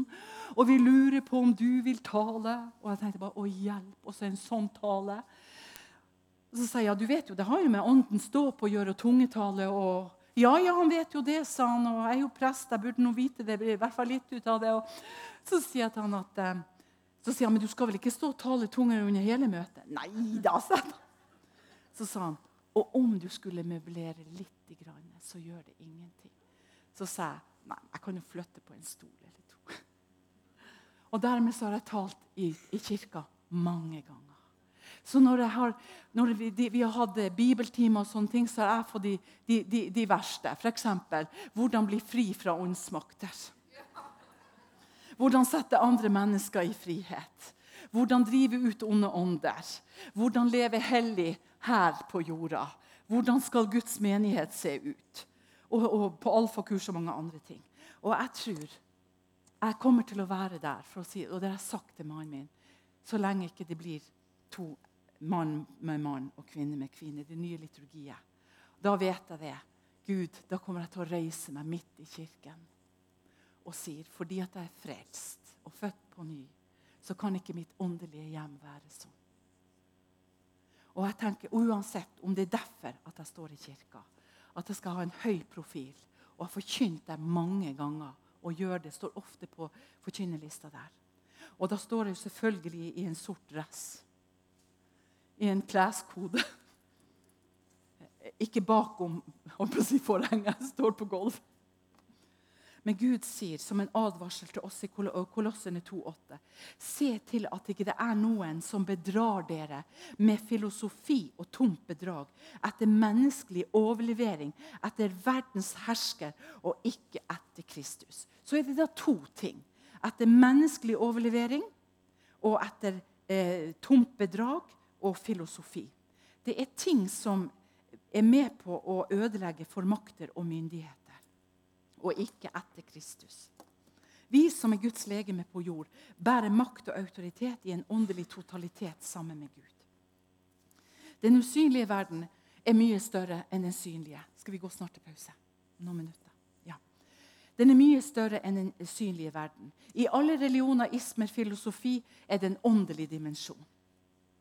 I alle ismer, filosofi, religion er det åndelige dimensjoner. Men vi er over alt dette. Så etterpå skal vi bare snakke litt om dette. Og, og dette med engler, så går jeg direkte på yoga, mindfulness og sånne ting. Pause.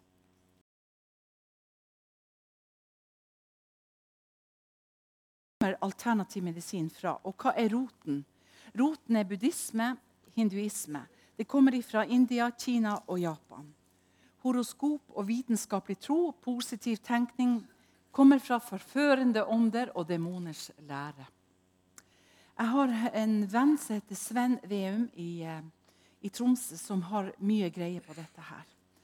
Og han har sagt det at um, ånden i tiden det gjør sånn at vi blir veldig opptatt av snarlige løsninger for stedet å gå til Gud. Og Ukebladet skriver ofte om mennesker som er blitt helbreda gjennom varme hender og andre medier. De eh, påstår at de har fått en gave fra Gud. Eh, men hvilke krefter er det som står bak? Og Jeg husker mamma og pappa når vi som hadde hoftefeil, ble jo gitt til sjamandame og alle de tingene. Men så ble vi også gitt til, eh, til en annen sekt som var oppe i Finnmark. Og Da sier ikke at alle i den sekta er okkult, men det er mye ut av det. Det er læstadianske. Læstadianske det, det, er på en måte en, en litt skjult gruppe de evangeliserer ikke, men de holder seg litt sammen. Men det betyr ikke at ikke alle er frelst som er der. For det er mange frelste i, i, i lestianere. Men de brukte også veldig mye medium.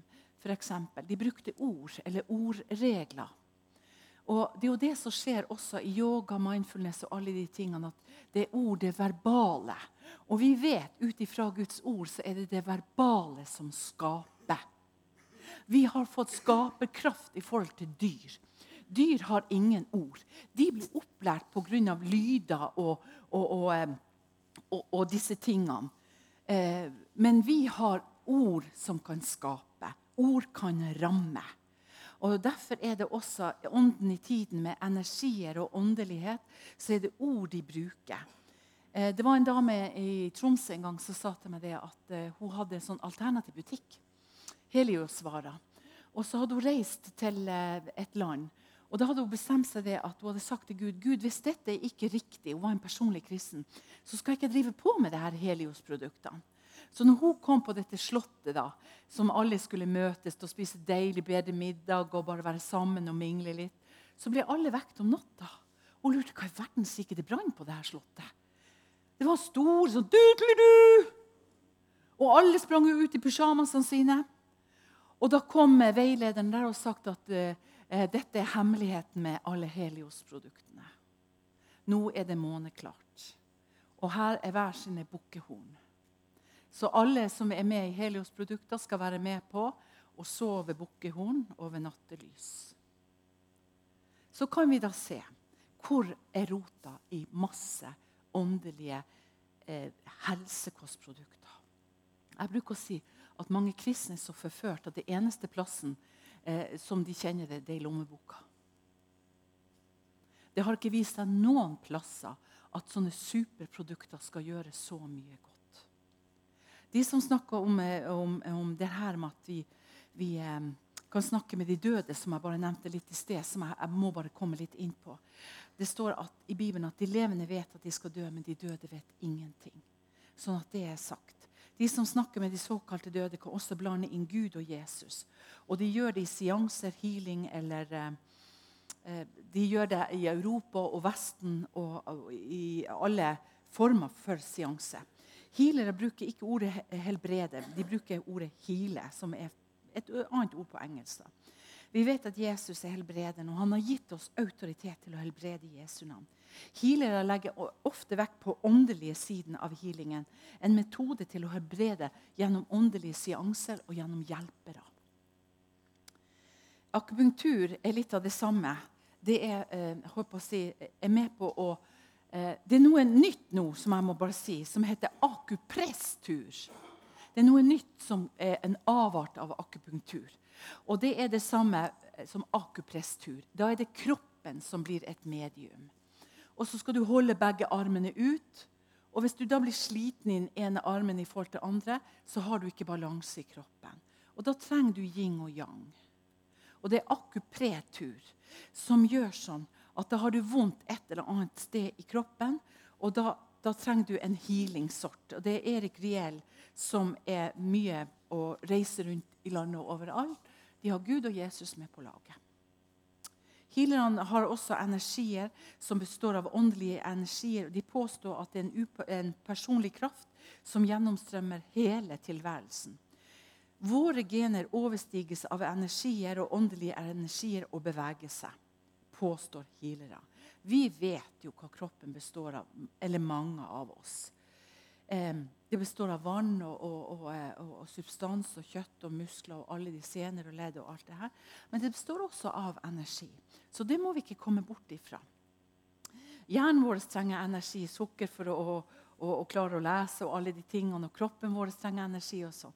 Men så har de gått mye lengre og mener at vi skal ta energier utenifra, som er åndelige krefter som skal være med på å hjelpe kroppen. som skal og da går de over grenser og, og, og overstiger noe som Gud har lagt ned i våre hjerter. Healere påstår at det er en kraft, en åndelig veileder som er med på å hjelpe dem. De er spirituelle, og de blir også brukt i menigheten i dag. De, er, de, de påstår også at seanser jobber bevisst i transe og ikke i transe. Og mamma hadde veldig vondt. Hun knakk ryggen sin. Det var en vinterdag på sparken.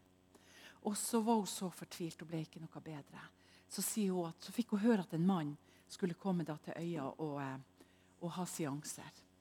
Hun var ikke frelst. Det som skjedde, det var det at han bare la seg over ryggen til mamma. Og så sa han pappa vet du, Anino, kom ut av det rommet. Hun var svart i øynene. Hun mor som aldri har vært utagerende eller sint. Hun ble sint.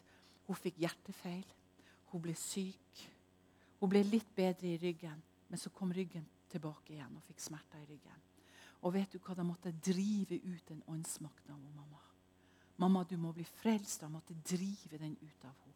Bare så hun For å si det rett ut, at hun fikk slim ut av muren. Hun måtte dra ut av muren.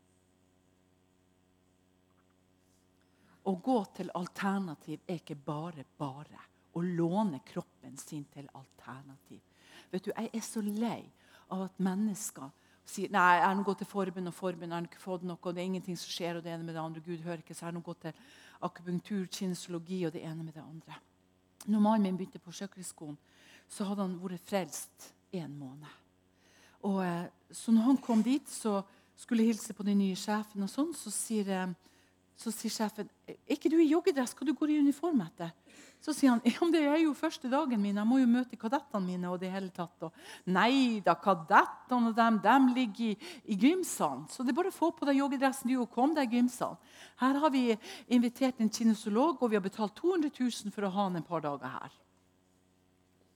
Så spørs det om menigheter, Hvis menigheter tar 100 kroner for et seminar, så tenker man Gud, tenk å betale noe vi skal til menigheter. Her fikk han 200 000 for å være i to dager i en offentlig etat. Og da skulle den kinosologen han skulle være med å behandle dem. sånn at når de var ute i bushen, så skulle de ikke kjenne på smerte. De skulle ha en sånn smertemestring, sinnsmestring. Og alt skulle mestres i kroppen. De skulle være herre over sin kropp, autoritet over sin ånd og sin sjel. Og Så ringer han Svein hjem til meg og sier han, 'Hva er dette?' Du vet, Da brukte jeg ordet helvete. Vet du hva jeg sa? Jeg var helt desperat. Jeg sa, 'Svein, dette er fra helvete.' 'Ja vel', sa han. Og Så går han til en annen fyr som sitter på kontoret sitt i joggedress. Og så sier han, 'Å, er du her i joggedress? Skal du være der nede med meg?' 'God Dag, mitt navn er det og det, og jeg skal være leder for kadettene.' Så sier han, 'Jeg er en gammel speider.' Så satt han i joggedress på nettet for å se hva betyr kinesologi. Hva betyr akupunktur? Sammen gikk de på nettet, og han sa jeg ringte hjem til min kone og sa det var fra helvete. Og sammen så sa de la oss se på statuttene på Sjøkrigsskolen. Hva står det her? Det står om at det skal ikke komme andre guder inn for denne plassen. For her er det Norge, korset og fedre. Fedrelandet. På disse statuttene fikk de lov å gå til sjefen og si Se her. Vi har ikke lov til å ta noe annet enn korset, flagget og fedrelandet. Og at vi har korset i flagget. Halleluja! Så den der eh, akupunktøren og kinesologen han måtte bare pakke skreppvaska si og gå. Og så måtte Og jeg tenkte at mannen min var helt ny på veien. Men da måtte jeg si det er fra helvete. Og, og, han gikk til han andre stakkars som har vært en gammel speider. Men han var jo kristen. Han gamle speideren. Men han sa ikke at han var kristen. Jeg er en gammel speider. Så de kan jo bruke det de vil. Åndelig behandling kontra kristen tro. Det betyr rett og slett homopati, akupunktur, refleksologi og healing er åndelig. Og disse tingene skal vi ikke prøve engang. Ingenting er nøytralt, selv ikke kristne. Jeg bruker å si, Hvis de sier er dette åndelig, hvis de sier at, kan du be for meg, og høre du tror på Gud, og kan du be for meg, så bruker jeg å si dette er åndelig, sånn at du er klar over det. Det er like åndelig som alle disse tingene, men vi har den sanne åndelige Gud. Så alle disse behandlingsformene det har med Østens filosofi og religion og New Age å gjøre. Disse behandlingsformene er avhengige av åndelige krefter på samme måte som vi er åndelig eh, avhengige av Jesus. Så er de avhengig av sine åndelige krefter.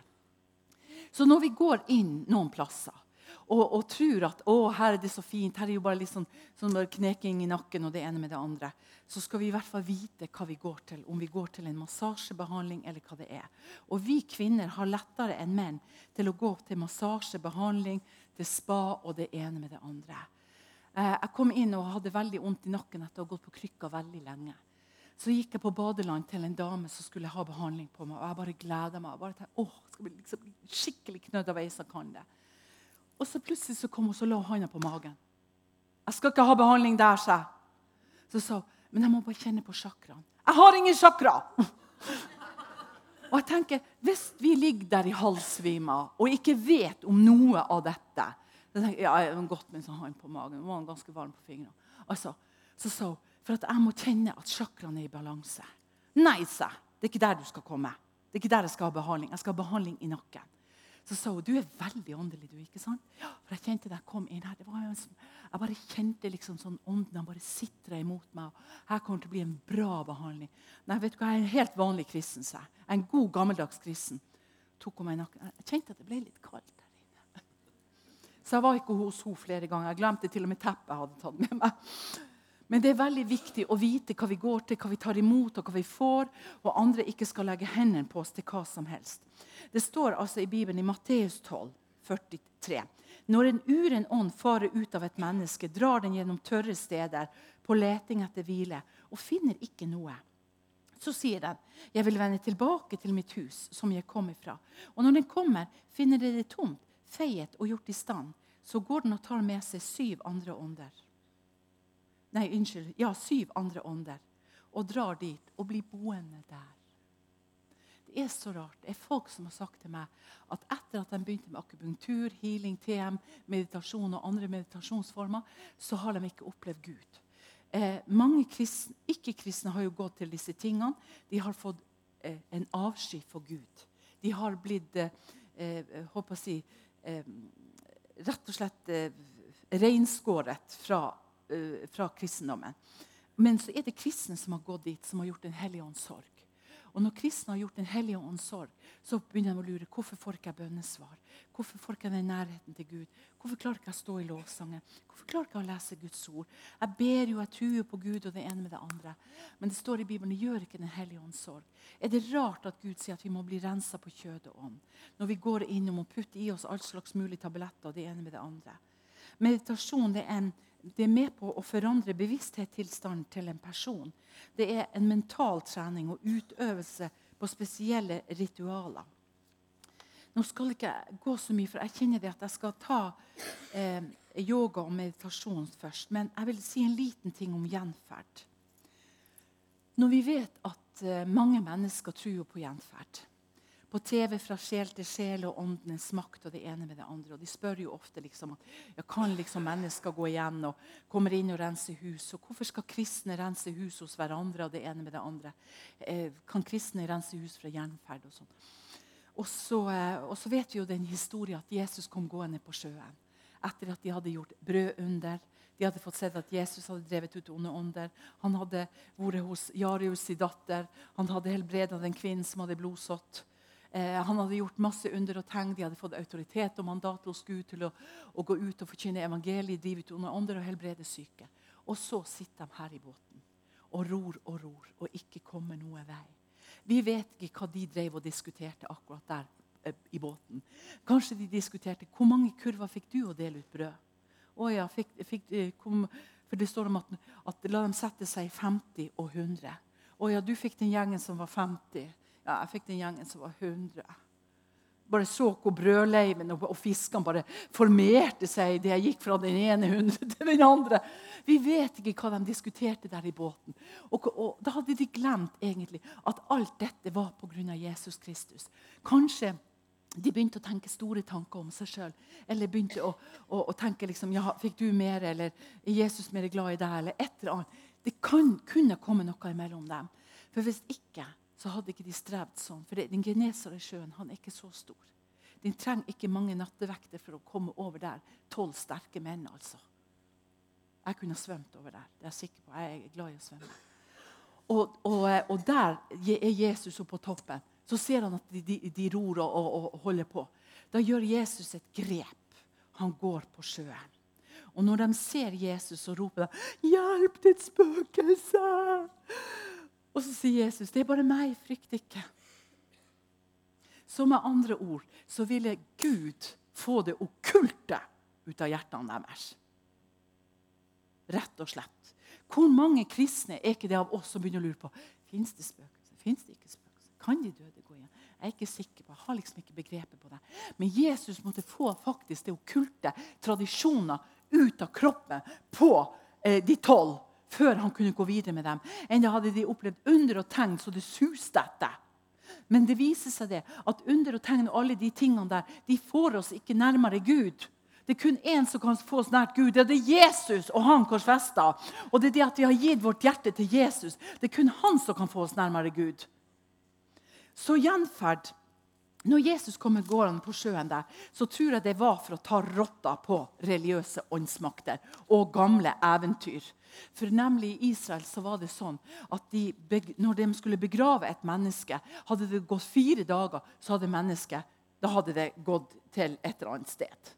Enten til Gud eller ned eller rundt omkring. Men da var det liksom for seint.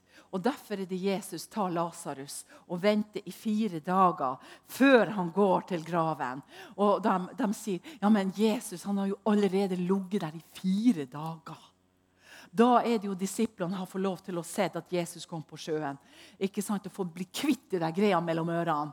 Og, og, og, alt det der eventyrene og alle de okkulte eh, eh, ordene som har rullert i generasjoner siden nesten dag én, siden Satan ble kasta ut.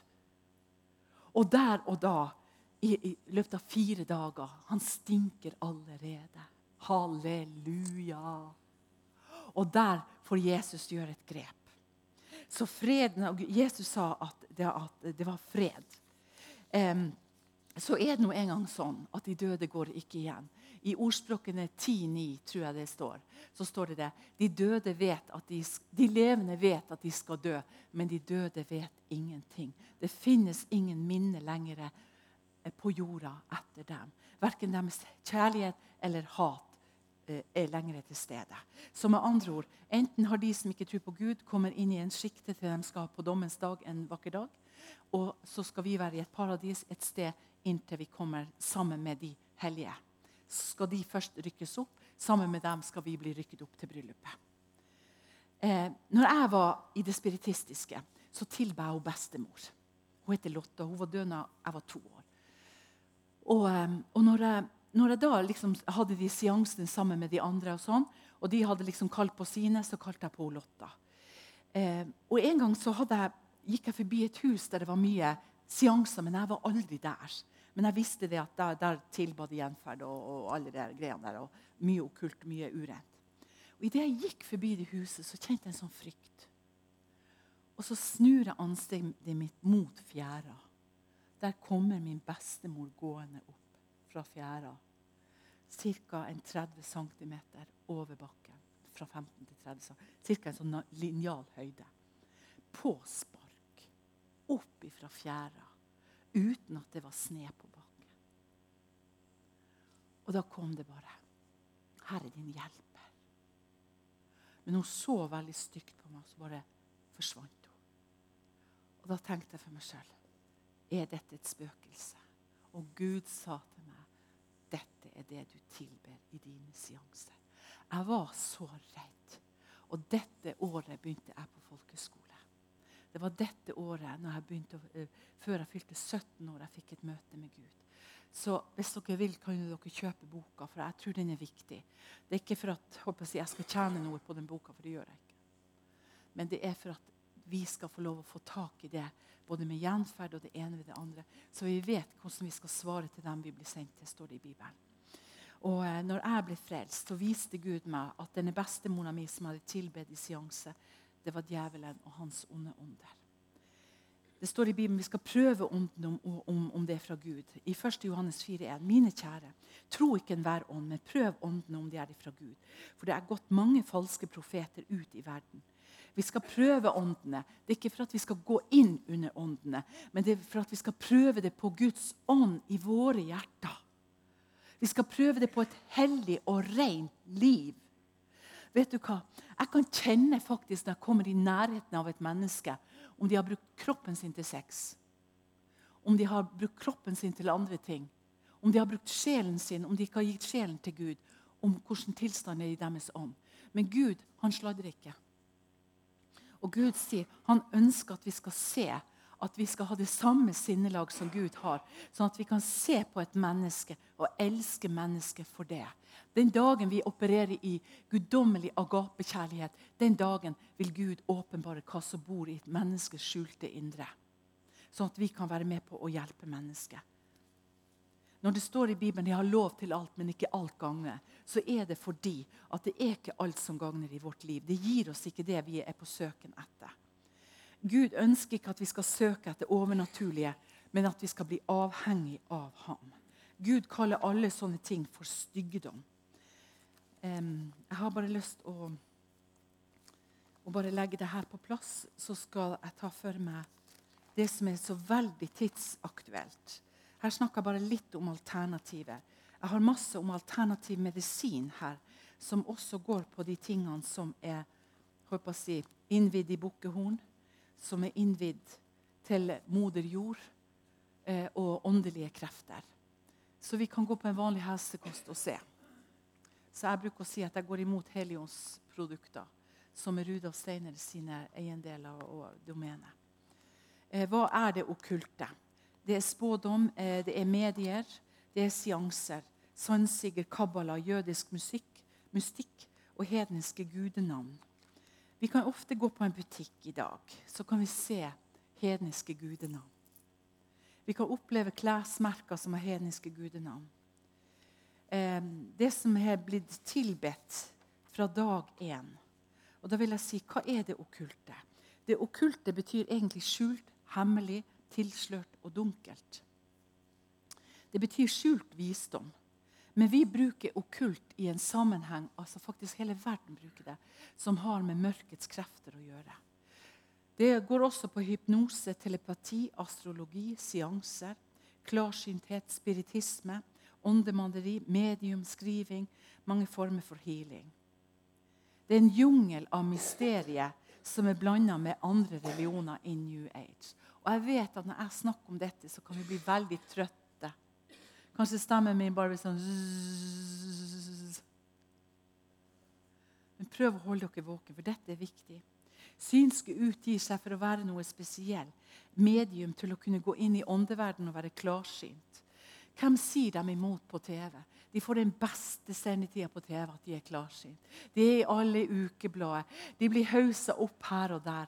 Men hvis vi sier at vi har nådegave til å prøve ånder, vi har nådegave til å, å, å, å hjelpe mennesker på forskjellige områder, vi blir ikke tatt hensyn til det hele tatt. Eller ligger det på oss kristne at vi har janteloven? At vi er jo ingenting. Vi har jo ingenting.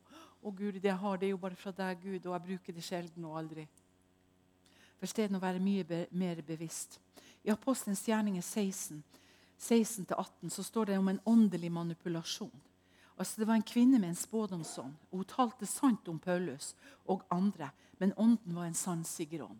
Og da tenker jeg på hvorfor kan Client, hvorfor kan alle medier, hvorfor kan de si noe som er sant? Lisa William var i Bergen, i, eh, i Grieghallen. Og da gikk hun bak, fikk vi lov å se på TV hva hun gjorde bak forhenget. Og så gikk hun bak eh, scenen og så gjorde hun sånn her. Akkurat nesten sånn som jeg gjør, men jeg har en annen Gud. Når jeg skal på et møte, så elsker jeg å be i tunger. En time i hvert fall. Og bare søke Gud, bare innvie meg for Herren. Bare går gjennom noen bibelvers sånn at jeg bare setter dem inn i min ånd. Og det gjør jeg. Jeg kan gjøre det i én i to timer. Det spørs hvor lenge det er til neste møte. Jeg går bare att og fram. Jeg legger meg på mage. Jeg roper til Gud. Jeg takker Gud for menigheten. Samme gjorde Lisa William. Hun gikk bakom forhenget og sa yes, yes, yes, yes, yes. You are on my shoulder. Yes, yes, yes. Oh, Spirit, you are there too. Oh, ho, ho, hallelujah. You are there, Spirit. Come, Spirit. Å, oh, oh, mine hjelpere. Å, oh, bare kom. Å, oh, du er der òg. Nei, huff, da er du her, liksom. Å, så bra. Ja, akkurat, ja. Mm -hmm. Så du har gått ned i jordens hjerte, og du har gått ned i døden. Mm, akkurat, ja. Og gikk der og nesten surra som om hun var i tunge så tenker jeg for meg selv hun fikk hjelp til å kunne tale noe som er sannhet. For Satan han har levd mye lenger enn vi har levd. Han kjenner den åndelige verden. Han hører hva vi snakker om. Når vi snakker negativt om oss sjøl og om oss andre, selvfølgelig han gjør nytte ut av det. Har vi sårhet, har vi dårlig karakter, har vi brist i vår ånd og vår sjel og vår kropp, har vi tåhull inn i oss på noen måter Klart Satan vet jo om det. Han er ikke blind og døv. Han hører. Og det som skjedde med denne kvinnen En åndelig manipulasjon, kaller jeg dette for. Så hun blir manipulert av disse åndsmaktene til å tale noe sannhet. Så får vi se. Det første hun gjør, hun går, går til høyresiden. Så sier hun da at eh, så ser hun en dame som er gravid. Så sier hun er det noen som har møst sine brødre her i salen. Så ser hun seg rundt. Og så er det fire-fem hender. Og så den jenta som er gravid. Og så går hun først bort til denne jenta. Så sier hun til denne jenta du har mista broren din, ikke sant? Etter hun hadde løfta hendene. Ja. Og kamera og alle retter blikket mot henne. Og liksom wow! De der bak så ikke at hun løfta hånda eller noe sånt. Og liksom wow! Og kameraet rett i ansiktet hennes. Så sier hun men du skal ikke være lei deg. For du skjønner, det, det barnet du bærer inni deg, det er bare reinkarnert fra din bror. Så du skal ikke være lei deg. Så du skal bare kalle han opp etter din brors navn. Hva var det han het? Å, Tore. Å, Tore. Ja, yeah, this is Tore. Så kom hun nært henne. Altså Har vi kristne gjort noe sånn, så har vi blitt kalt for kjettere med en gang. Vi har blitt fengsla. Men her er det okkultist, denne åndsmakten som er i denne verden, som applauderer det. Tenk at dette barnet ble innvidd mens det lå i mamma sin mage, ved at det var reinkarnert av hennes døde bror, som hadde kommet tilbake i søstera sin mage. Det ble applaudert. Så her står det i Apostelens gjerninger 16. Kvinnen med spådomsånd. Men ånden er en sannsikker ånd. Hun var et medium, og hun håva inn penger til sin, til sin, mester, eller til sitt medium. Hun var en slavekvinne som ropte ut til dem og sa dere tjener den høyeste Gud. Var ikke det fantastisk? Satan kunne ikke si noe annet, for det var sant. Paulus og dem tjente den høyestes Gud. Så det er klart, Paulus og dem var helt enige. Mm -hmm. Så Paulus måtte gå i tre dager før han refsa denne ånden. Var det for at Paulus ikke kjente det med en gang? Han kjente nok at det er et eller annet der. ikke sant? Men det var faktisk det at Paulus trengte den rette tid for å ta autoritet over den ånden der. Og Etter flere dager står det, så ble Paulus sint, og han befalte ånden i Jesu navn til å fære ut av denne slavekvinnen. Og Han måtte jo få, ble, måtte jo få en, en eh, Eh, eh, en prat med han der, mannen som, som, drev denne slavekvinnen. da. Ikke sant? Han hadde ødelagt for han. Det sa de når jeg kom opp til Ålesund. Ja, at jeg hadde ødelagt for de som skulle ha kurs der oppe. Dette bare halleluja. Og de satt der og var sinte i salen. Og det kunne like godt komme her, for jeg hadde jo ødelagt for dem likevel. Forkynnere 9,5. De levende vet at de skal dø, men de døde vet ingenting. Når det okkulte tar over, så er det døde åndsmakter. Da er det rett og slett bare onde ånder og djevelen som kommer og, og, og tar sitt grep. Nå skal jeg ikke ta mer ut av den bolken. Nå skal jeg ta litt om yoga.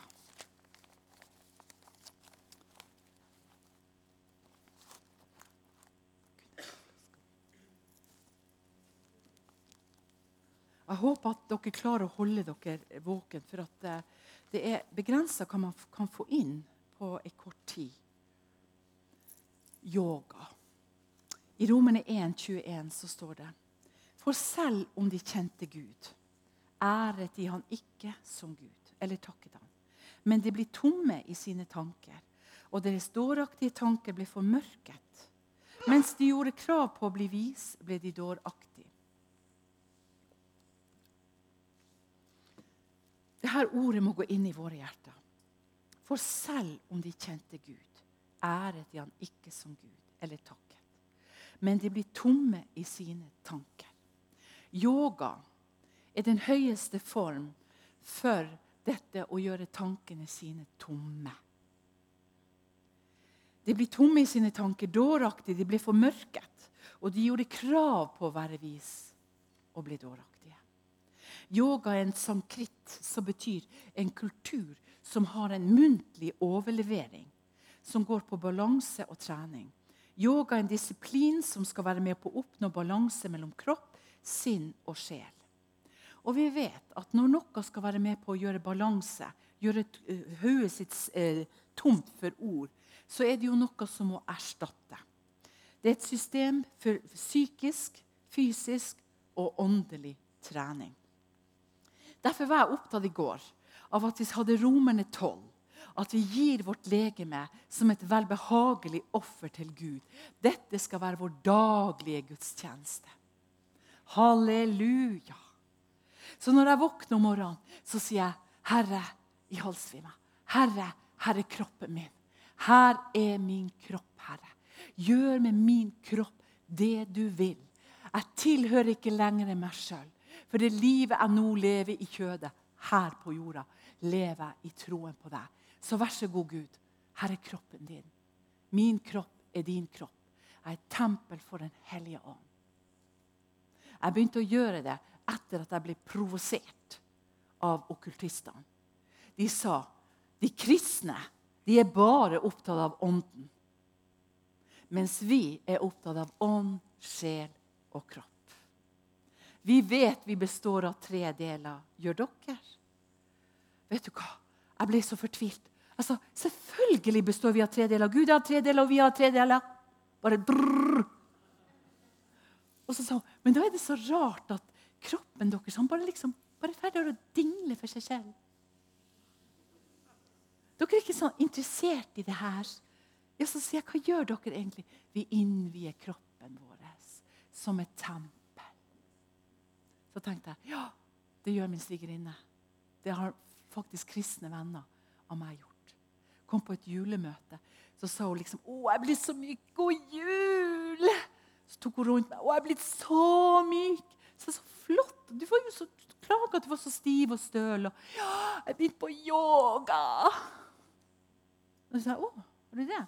Så du har gitt kroppen din til eh, eh avguder? Nei, Gud, det har jeg ikke. For du skjønner, Jeg står sånn her og Jeg ber i tunger. Og, og når jeg tar disse stillingene, så ja, Akkurat, ja. Og så når du er kundalinislange, hva gjør du da? Så sa Nei, jeg ber jo i tunger. Jeg ber jo til Jesus. Og, nei, sa jeg. Da er det like godt at du kan be, tilbe Buddha og Allah.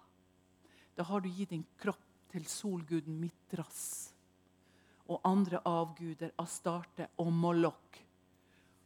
Og da er ånden din så knebla at, og at han har en lite hull, kanskje, i din ånd, i et hjørne.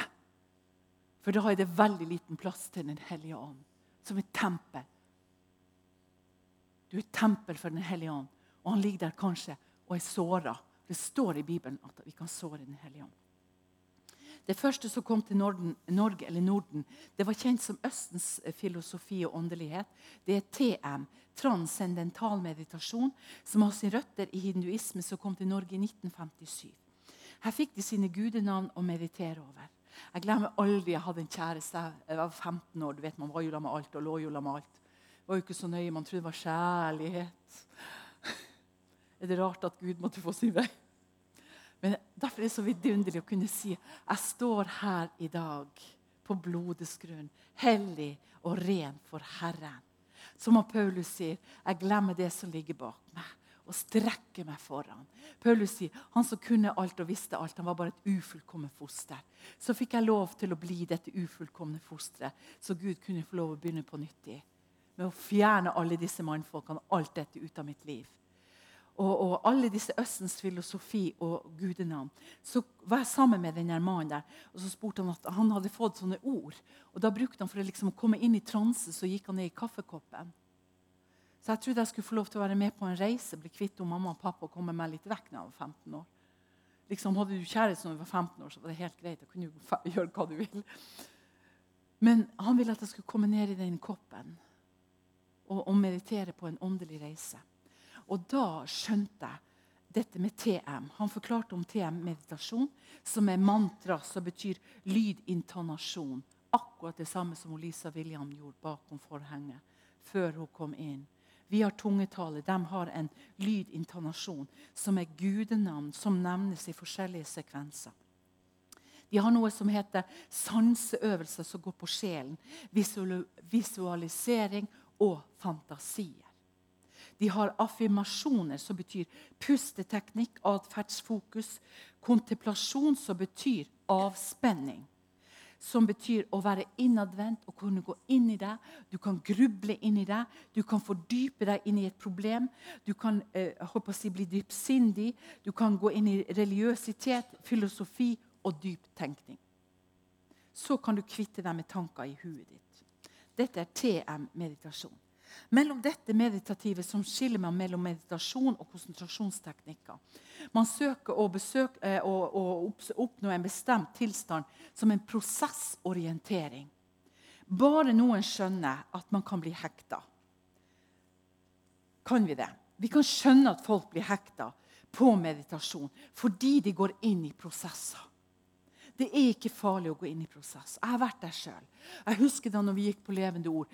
Du er bare inne i en prosess. Ha det grusomt på bibelskolen. Er det noe feil med meg? Det er bare en prosess. Bare bli i prosessen. La Gud få røre deg i prosessen.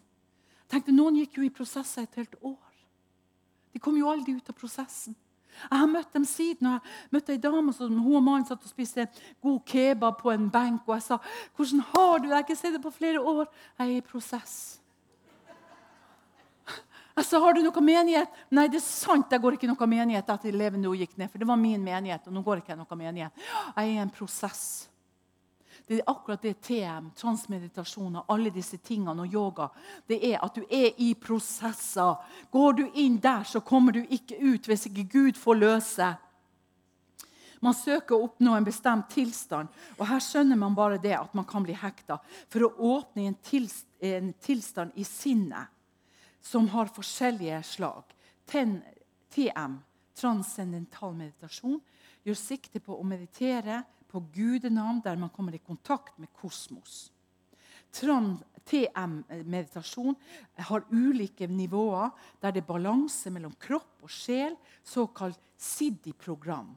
Du går ikke inn i en meditasjon uten å komme inn i et program som videre får deg inn i prosesser, der du går inn i yoga og levitasjonskrefter er vektløshet, der du bare går ut av kroppen din. der du går inn i yoga, der du blir alle disse stillingene. Du går ut av kroppen, og du blir lett og ledig og myk. og det ene med det andre. I yoga brukes TM til frihet for øvelse, en gymnastikk til å manifestere kroppen, som en eh, levitasjonsyoga og positurer som de kaller for eh, eh, gymnastikk til å begynne med. I yoga er det forskjellige yoga. Det er fysiske øvelser, pusteøvelser, avspenning og meditasjon. Det er reell kontakt med kropp og sinn. Jeg tenker mange ganger Vi kristne, har vi kontakt med kropp og sinn? Når jeg gikk i en stor menighet, så var det ikke så nøye hvordan du hadde det. Du hang i en strikk fra morgen til kveld. Du gjorde det meste og sa ja til det meste. Jeg for min jeg forskjønte både barn og familie. For jeg måtte jo gjøre det de ba meg om i menigheten. Selvfølgelig skulle jeg gjøre det dag og natt. Det var jo ikke snakk om noe annet. Jeg hadde jo bil. Jeg var den eneste som hadde bilene i gjengen. Selvfølgelig måtte jeg stille opp. Kroppen min hang i et slips. Jeg var sikkert 15-20 kilo lettere enn jeg er nå. Jeg var blå under øynene i 30-årene. Og jeg sa jo selvfølgelig en vei oppover. Halleluja. Kroppen min var halvdød. Det var familien nå. Og, og, og, det endte med det at jeg ikke brydde meg om min egen kropp. Jeg brydde meg ikke om sjelen, hvordan jeg hadde det. Jeg var aldri hjemme og feira bursdagen min eller til barna mine, til familien min. Det var noen i menigheten som stakkars gråt og trengte, min, trengte meg. Den trengte mine bønner. Og jeg skjønte ikke det, at jeg var uunnværlig. For alle, ingen var uunnværlig. Vi måtte stille opp for enhver pris. I yoga så betrakter de ting mellom kropp og sinn. Og jeg tror at vi Guds barn, når vi gir kroppen vår til Gud, så kan vi få lov å kjenne på vår egen kropp. Bli kjent med vår egen kropp. Vet du, Gud sa til meg Annie, du skal bli en livsnyter. Min hemmelighet er når jeg er livsnyter. Da tar jeg for meg et hvitt eh, eh, lerret, og så går jeg og maler. Så får jeg lov til å være sammen med Jesus. Så får jeg spise lakris og knaske epler så får jeg sitte der på malerommet timevis med musikk. Og jeg er en livsnyter. Tar ikke telefon. 'Å ja, var det hun, ja?' 'Nei, var det han, ja?' Å, takk, Jesus. Og, men det har tatt 30 år å tørre å komme dit. Uten å få eh, dårlig samvittighet. Yoga, meditasjon og alle disse de har ingen dårlig samvittighet.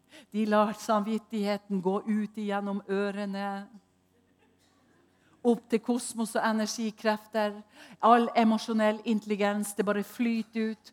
Her er det snakk om ego, sentrum av min egen navl, av min egen mage. Bare jeg får, så får jeg mest. Dette har med meditasjon og yoga å gjøre. Derfor er det kommet masse ukjærlighet iblant mange kristne. For de er så opptatt av at nå må vi få noe for oss sjøl. Nå, er, nå, må vi bare gå inn i, og vi må gjøre disse trinnene.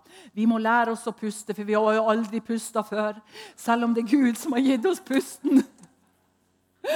Så må vi lære å puste, vi må lære å sitte i lotusstilling. Og vi må jo lære å ta til oss moder jord og kraften fra energibaner, for vi, vi, vi er jo underlagt disse elementene. Men Bibelen sier at vi er satt i himmelen med Jesus Kristus. Og vi har føttene planta på jorda. Det er her vi er med min adresse er i himmelen. Så når jeg møter åndsmakta som jeg for to dager siden med en mann som jeg skulle hjelpe og da bare så jeg, til han, jeg bare gikk rett inn til hjertets kjerne.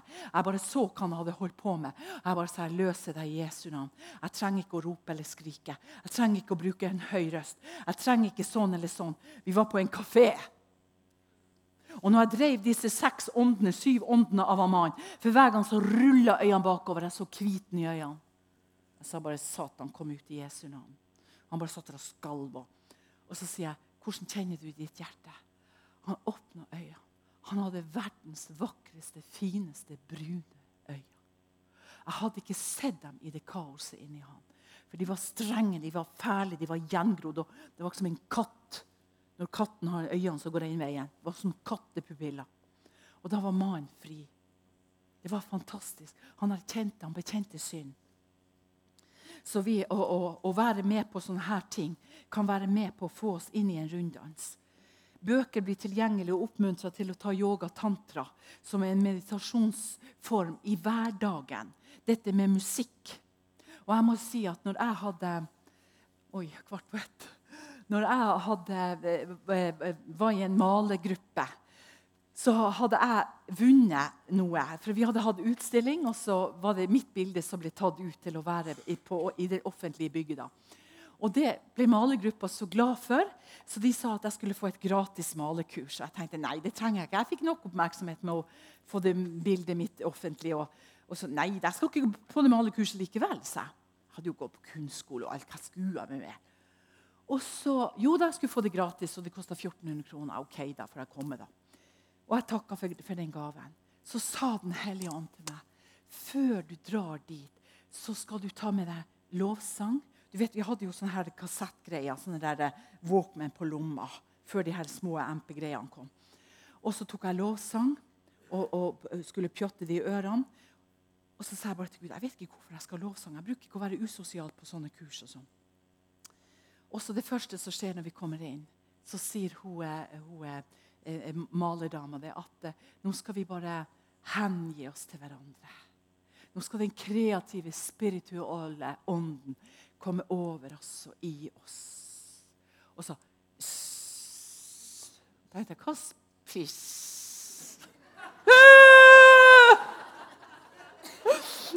Jeg er fra nord, dere tåler det! Og så tenkte jeg nei, det der går ikke jeg med på. Og jeg bare famla i, i bagen min etter den der låsa. Og så liksom og, og, så, og, så, skal vi bare Og jeg tenkte nei! Og så tok hun på musikken. Det er musikk er laga i pyramidene. Og den skal få lov til å bare få oss til å glemme det som har vært, og strekke oss mot det som ligger foran. Det er jo kjente bibelord. Hallo? Og så skal den kreative ånd bare komme over oss. Ja, står jo i første Mosebok. Den kreative ånd som kom over alle skulle smykke tempelet. ja. Mm -hmm. Og mens jeg bare står der, så sier jeg bare 'Gud, hjelp meg'. Nå skjønner jeg hvorfor jeg skulle ha det her med meg. Og når det var ferdig med alt det der, jeg bare sto og ba i tunger og ropte til Gud. Klarte ikke å få den steden på plass, og jeg syntes jeg hørte ingenting. Og, og så sier hun det at nå skal vi komme fram, og så skal vi plukke hver sin engel. Det var en sånn liten engel. Så gikk jeg fram og sa jeg tror ikke jeg vil ha en sånn engel. Jo da, for bakom engelen er det et navn. Og det må ikke jeg si til noen av de andre malerne. Og Jeg hadde jo fått kurset gratis. Jeg skulle komme først og plukke engel. Nei, så jeg vil ikke plukke engel. Ja, ja, men det kan jo være sist, da. Ja, det er greit. Og så så jeg de plukka engel, så sto det sånne rare navn. og så, hva står det på din? Nei, Det var visst hemmelig. Det var visst Kiri Skinna eller et eller annet. Så jeg vet ikke, så jeg bare, bare leste ordet som står der og maler. Inni meg så bare reiste seg. Er dette mantra?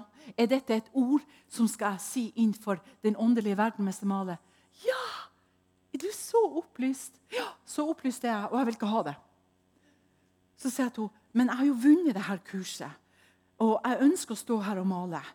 Og, men jeg vil ha min egen musikk på mine ører. Til slutt så gikk hun med på det, og de andre gikk med på det. Og de begynte å male hele gjengen. Og, og ut av den musikken i pyramide. Og Da sto jeg med min på ørene og 'Praise the Lord'. Og jeg bare, vet hva, jeg bare begynte å male et kors. Jeg hadde ingen, jeg bare sto der og ropte 'Gud, Gud, Gud'. Til slutt så begynte hun dama. Så gikk hun sånn her. 'Dette går ikke.' Så sier de andre 'Hva?' For De skulle jo være stille. De skulle bare male mantra, ordet sitt. Så sier de 'Hæ? Hva sier du, lærer?' 'Nei, dette går ikke. Anie, få det av ørene.' Så sier jeg bare 'Ja, vi har nå slukket lyset her.' For dere skal stå i et lys av en aura. Og det kommer så mye lys ut av den dingsen din du har på bordet. Så sa hun, Og den musikken den forvirrer meg. Så jeg som lærer og meditatør klarer ikke å lære mine elever det som jeg skal gjøre. Jeg er helt forvirra. Jeg ble så forvirra. Så jeg bare klappa sammen alt jeg hadde. Et vått maleri og staffeli og bag og i det hele tatt. Så sa jeg, men før jeg går, kan jeg få lov å si en ting? Så sier alle ja, du tok ikke imot mantra. Nei da, så sa jeg egentlig så ønsker du at jeg skal gå hjem. Så sa den damen ja, egentlig ønsker jeg det. Du har jo vunnet dette kurset. Men egentlig ønsker jeg det, for du er veldig forstyrrende. Beklager at jeg må si det, men vi er ett i ånden, vi andre som er her. Hun hadde kristne termer når hun snakka. Skulle tro jeg var på et bønnemøte. Og da bare samla jeg sammen ting. Jeg drog staffelia etter meg. Så snudde jeg meg bare og så sa jeg til, til dem én ting skal dere vite. At dette er mørkets rike. Og inni mitt hjerte bor lysets rike. Jeg har Jesus Kristus som min Herre. Jeg kan ikke ta imot disse avgudenavnene og disse englene og denne musikken som er skapt i pyramide. Jeg må ta musikken som er skapt i Guds hjerte. Så beklager hvis jeg har forstyrra dere med lyset. Ha det. sånn.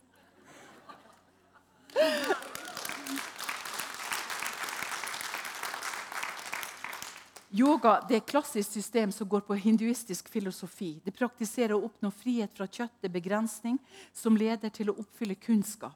Gud sier at han har gitt oss en guddommelig kunnskap og visdom og åpenbaring. Yoga sin mål er å oppnå indre fred. Yoga tilsier at det er en doktrine på det fysiske, mentale og åndelige bruk ved behov. De praktiserer yoga til å stige i åtte trinn til fullkommenhet. Til fullkommen kunnskap. De bruker tallet som er Guds fullkomne kunnskap. Selvdisipline har de også med observering, stilling av kroppen, pusteøvelse og beherske undertrykte følelser og seanser. De har tøy, bøy og myk opp, og sånne ting, men egentlig så er det en selvdisiplin til å, å gjøre tempelet sitt eller kroppen sin til å bli alle disse gudeformasjonene. Så når vi ser at de, de gjør sånn her, de sitter i lotusstilling, så er det den største guden av hinduistisk gud som de representerer. I, med en gang de går i lotusstilling, så presenterer de seg innenfor den hindiske guden. Det er lotusstilling. I den menigheten i Norge, Det er flere menigheter i Norge som driver på med yoga og mindfulness. Og det her. Og de sier det er ikke farlig å sitte i lotusstilling og be. Da gir de kroppen sin til hinduisme. Yoga kommer også fra ordet ji, som betyr også forening, disiplin og være ett. Ett i sinnet. Um, yoga utvikles også av en filosofi, og jeg har masse navn her som jeg ikke trenger å ramse opp.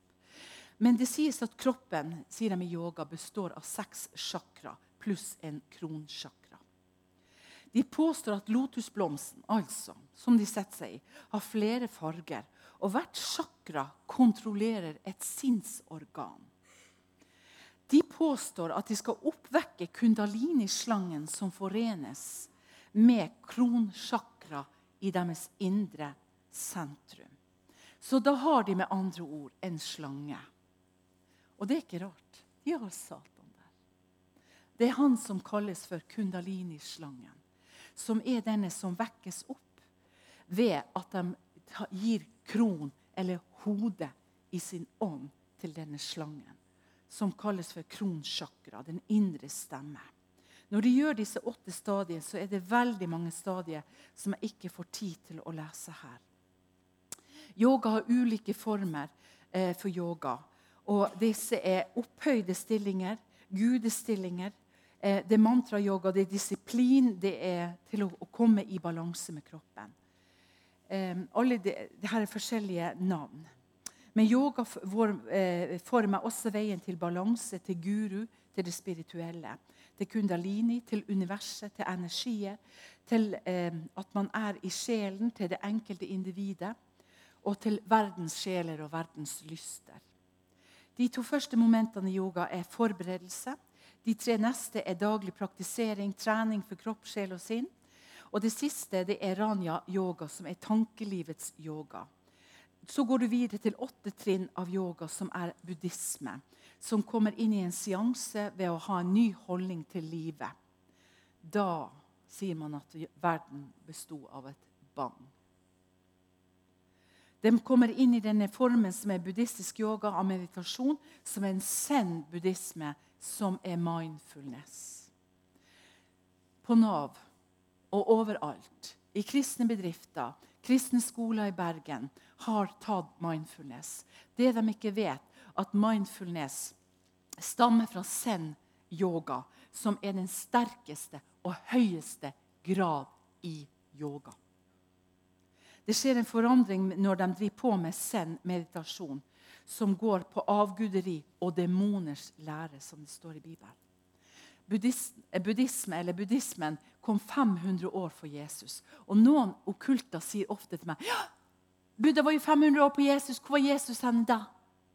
Så sa jeg det at eh, her på jorda, ja. Så sa jeg men Jesus har vært fra dag én. Har Jesus vært. Så Buddha han var bare 500 år. Også 2500. Men Jesus, han er fra tidens morgen. Vi klarer ikke å telle disse årene, for vi kjenner dem ikke. Å, ja, så gammel er Jesus. Ved å tenke og tale ut fra den indre kjernen som de gjør, så kommer de inn i en klarhetssystem der de blir veldig klare. Client. De kommer inn i forskjellige øvelser. Buddha betyr å våkne opp å opplyse og angripe og begripe. Ta imot eh, Hare Krishna betyr doktriner og ta imot sannheten som er Buddha. Meditasjon eh, har informasjon i De er delt i elleve som Buddha. Og de har frem fem grunntanker. Jeg tenker, Hvis sinnet får lov å komme inn i grunntanker, så kommer kroppen og sjelen fort inn i det til å bli dreven til buddhisme, ateisme, satanisme, løgn og bedrag. Derfor sier jeg la våre grunntanker være. Hva er våre grunntanker i Jesus Kristus? At vi har fått en totalitær makt pga. Jesus er død på korset. Har vi blitt uovervinnelige pga. Jesus Kristus, vår Herre? Dette er våre grunntanker. At vi lever ikke ut ifra oss sjøl. Det livet vi nå lever, lever vi pga. Jesus Kristus. Eh, jeg har masse forskjellige ting videre om, eh, om, eh, yoga. Men jeg skal bare ha en liten del om, om mindfulness. Mindfulness er jo også kommet i, mye i media nå. Jeg har blitt tatt litt i dagen når det gjelder, når det gjelder yoga og, og og, og, mindfulness. De mener det at jeg ikke har begreper på det. Og at man kan jo ha litt yoga og mindfulness i menigheten for å kunne klarne sinnet. Og det kan jo hende at vi kommer til å møte mange buddhister oppe i himmelen. For de har jo sine trinn å gå. Men dette er fra helvete. Um, hvor ble det av det? Skal vi se Mindfulness.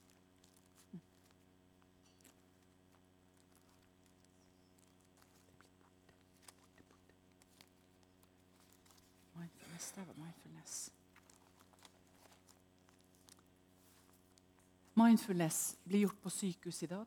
På psykiatriske sykehus. Det blir gjort på eh, Diakonissehøgskolen i Bergen. Det blir gjort eh, på andre sykehus. Det blir gjort i opplæring av forskjellige saker og ting, og i barnehager, som Bjørg sa. I barnehager, på skole og en ved det andre. Eh, Stoltenberg reiste rundt i hele landet før han avslutta sin karriere som statsminister. Reiste han i de store byene og sa at mindfulness burde være et must i alle skolene. Ingen visste hva mindfulness var eh, for noen år tilbake. Noe sånn særlig. Og, eh, og, eh, de gikk på kurs, hele gjengen. I Judas 1,16 så står det disse er slike som knurrer og klager og lever sine egne lyster. Hvem er disse? Og de taler store ord og er stolt med sin munn, smigrer folk for å oppnå fordeler. Og I vers 19 kan vi lese videre hvordan det akkurat går på dette med mindfulness. Judas 1, 16-19. Disse er sanselige mennesker som forutskaper splittelse, og som ikke har ånden. I en par menigheter i Norge i dag så er det noen som har mindfulness på møtene sine. Du kan gå inn på et rom før du begynner på møtet, så kan du ha mindfulness. Eh, dette er menigheter som florerer, og som er blitt store og sterke, der de ikke har nok med Jesus. Jesus er ikke nok beklager. Så da har vi litt mindfulness. Det kom en dame i avisa som tok meg kraftig i avisa, og så sa hun at hun hadde bachelor i kristen yoga og kristen mindfulness. Og du vet at Da hører jo den siviliserte eller verden i dag, det profane, hører med en gang på det. Men uansett om vi sier vi er aldri så mye teologer, aldri mye, så mye har lest i Bibelen, så bryr de seg katta om det. Gud vil at vi skal ha kunnskap om det som florerer i dag. Mindfulness er John Kabat sin. Ble innført av en buddhistisk meditasjonstradisjon inn i Vesten. Han påstår at det ikke er noe buddhisme, men gjennom mindfulness og øvelse går du inn i en filosofi. Men det stemmer ikke. De mener det at det er en såkalt buddhisme som er en av Østens største eh, filosofireligioner. Jeg har en prest. Og denne presten der, han er kristen, har levd i Norge. Han ble kasta ut av Zen-tempelet av sine foreldre fordi han fant et lite Nytestamente som kom til Japan. Der begynte han å lese om Jesus, at det fins kun én vei til Gud. Så enkelt! Så enkelt! Og da var han i dette som kalles for zen-meditasjon. Og han var helt utslitt. Han måtte rømme. Han tok teologi i Norge, og han er vår prest. Han skrev i dette eh, eh, bladet som kommer ut til alle husstandene, at man må holde seg borte fra meditasjon og mindfulness. Og han sa, og så herlig når jeg kommer i kirka Jeg så du kom i kirken, og vi har den samme erfaringen. Vi må rope høyt. Jesus! Bare Jesus! Så han er så åndsfylt og herlig, denne presten der. Og eh, mange påstår at buddhisme er den snilleste religionen som fins i hele verden. Buddhisme er den eneste religionen som egentlig ikke har kriger i hele verden. Buddhisme er en filosofi som finnes. Buddhisme er innadvendt, søker seg selv, sånn som jeg begynte i sted, med å gå inn i seg i, i, i, og gruble og grunne. Mindfulness John Kabat-Zinn ble inspirert av Kabat-Zinn. Den koreanske buddhismen eh, Shai til USA, og han gikk en vei. Når vi hører om denne mannen som heter Kabat-Zinn Jon Hør, han heter Jon. Han heter John. Han er norsk. Han heter John. Og han har fått et navn som heter Kabat-Zinn. Og han påstår at dette ikke er religion. Jeg heter Anie i Jesus Kristus. Jeg husker søstera mi når hun ble frelst. Og så sier jeg til henne vet du hva, alt ved deg kommer til å bli forandra. Og, og, eh, og, så sier hun bare til meg vet du, Nå skjønner jeg hva du mener, at vi er frelst og født på ny. Vi er jo, Jesus, vi er jo Eli i Jesus Kristus. Ja! Og han her fyren her, han heter John. Mitt navn er John. John Kabat-Zinn. Og han er inspirert av dette. I Frankrike i 1969 har de et universitet som går på dette med det største klosteret i Frankrike, som er en Zen-retreat. Senter for Europa. Der reiser 600 000 buddhister i Frankrike. De tar med seg norske prester for å fære dit til Frankrike. Jeg var i en kirke i, eh, og der har jeg skrevet om i boka. Jeg har skrevet det med navn nå, for det bryr jeg meg ikke om. I Fyllingsdal kirke sto det at vi trenger meditasjon i kirken i dag. Vi trenger mindfulness og yoga. Da gikk jeg og en venninne dit og tok med oss noen bibelskoleelever. for da var jeg lærer da. Og Da sa jeg til bibelskoleelevene dere må be. Når vi kom dit inn i kirken, så hadde hun disse store, runde fatene med seg fra buddhistklosteret. En dame. Hun var, var datter til en, eh, en pastor i Bergen og hadde gått over til en meditasjonsform. Hun var i denne kirken. Denne pressen der hadde vært i en buddhistisk kloster. Han hadde vært og søkt sitt indre menneske, for han hadde møtt veggen. Han søkte ikke Gud. Og Gud vil at vi skal søke Gud og ikke vår indre verden, sånn at vi får oss en blåveis eller to. Så han søkte inn i sitt indre menneske, for dit. Og eh, når han da kom tilbake, så kunne han si til menigheten, 'Ærede menighet'. Og dette er ikke fleip når jeg sier det. Men han sa nå har jeg lært å meditere. Men yoga og mindfulness er ikke farlig. Når jeg var sammen med denne buddhistpresten, så sa han vi er jo ett i ånden. Vi er åndelige mennesker. Ja, hadde presten sagt. Vi er åndelige mennesker. Men han sen buddhisten hadde sagt, men ikke nevn hans navn. Så sa han han nevnte ikke navnet Jesus. Så sitter vi der og får høre dette. Og denne dama som han hadde tatt inn som meditatør, hun hadde sånne runde trommer. Jeg kunne oppleve at noen satt der var litt nervøs. Så vi bare begynte å be i tunger, og bibelskoleelevene, og, og, vi bare så på veggen, og så sto det at å, du skal ikke være som en bølge på havet og greier og greier. Så begynte hun å spille i disse trommene. Så sa hun bare la oss være ett i ånden nå. Ta og knele. Noen knelte på sånne små stoler, noen satt med beina under seg. Jeg nekter å knele, tenkte. Så jeg satt godt planta og gjorde det her. Jeg sa til Gud, vet du hva, Gud? Jeg vil demonstrere. Jeg vil si som profeten sa, eh, eh, Elias til, til, til, på Karmel. Har han kanskje gått på do og bæsja? Så tenkte jeg ja, jeg demonstrerer, jeg også. Så jeg, så jeg tenkte jeg bare satt sånn. Og meditatøren begynte å bli mer og mer forvirra. Folk bare liksom oh. Så sa hun La høre dere bølgene. Ja, sa de. La oss drive med bølgene. La oss kjenne at bølgene tar oss ut på dypet. Og Jo mer sint ble jeg, mer jeg talte i tunga. Jeg bare, kjære Gud, kjære Gud, hva er det her for noe? Åh, og da slutta hun plutselig så sa Kan dere tre være så snill å være med? Nei, sa jeg, dette kan ikke jeg være med på. Da kan dere være så snill å gå ut. Nei, sa jeg. Dette er norsk folkekirke, er det ikke det? Jo, det stemmer, det. Og dette er gratis. Jo, det stemmer det, for at kirka hadde betalt henne. Ja, men da er det fint. Da sitter vi her. Vi, vi vil se hva det her er for noe. Og til slutt så var folk så nervøse at når de var ferdig med det her, så måtte de få sjelesorg hos oss.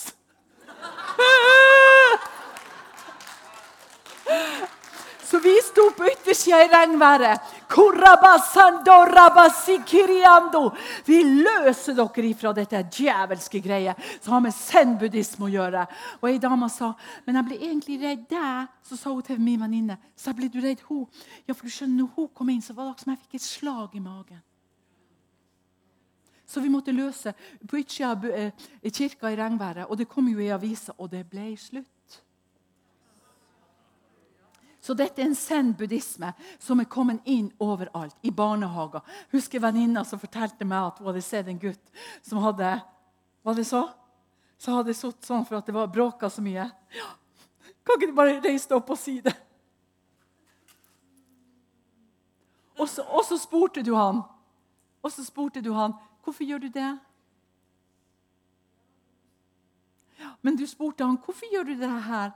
Så sa han, for det, det, det bråker sånn der inne. Du skjønner, Ungene lærer fra de er små av. Og, og, vi kommer til å få barn og barnebarn. Så det er viktig at vi vet hva vi snakker om. I Vardø, når vi var der, så ble vi kjent med en dame. Denne damen var i kirka, og hun sa til meg vet du hva, når du løfta hendene, så visste jeg at du var mer åndelig enn de andre. Hun kom etter meg i gangen. 'Jeg må bli kjent med deg', så, så sa jeg. 'Jeg er fra Finnmark.' 'Og du er i lag med de her søringene.' 'Ja, men fint at du er fra Finnmark.' Så sier jeg, 'Hvorfor 'Hvor mener du at jeg er åndelig? Var det noe jeg traff i deg?' 'Ja, så når du løfta hendene, så Det bare traff meg', sa hun. Å, ja, så tenkte jeg, 'Ja vel, er hun veldig åndelig, da?' Oh, jo, da hun var kristen og sto i kor og det ene med det andre. og Vi var nå sammen med henne mange ganger. Vi klarte liksom ikke å få tak i hjertet hennes. da. Hvis vi talte i tunger, så var det litt for voldsomt. Hun hadde ikke fått tungetale. og Den musikken han spilte, den lovsangen, den var så grusom at det, det skar henne inn i huet og inn i hjertet. Så han ble sprutrød og slutta å spille og synge. Så vi måtte bare begynne å be i hennes nærvær. Vi kunne ikke ha lovsang på. Og, eh, og vi bare lurte på hva er det her for noe. Så tenkte jeg kan vi ikke få lov å komme hjem til deg? Jo da, vi kunne se bønnerommet hennes. Fikk se bønnerommet hennes, så sto det en krystall midt på gulvet. Og Den hadde hun fått hos noen i utlandet. Og sånne ting. Og det som hadde inspirert henne, det var det at hun skulle bygge et hus i Vardø. Hun var meget rik.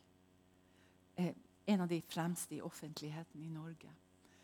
Hun var og hun skulle bygge en pyramide i fjæra der alle religionene skulle samles. Pga. energien og kraften som i Vardø og Vadsø eh, trengs det misjonærer fra Norge opp i nord.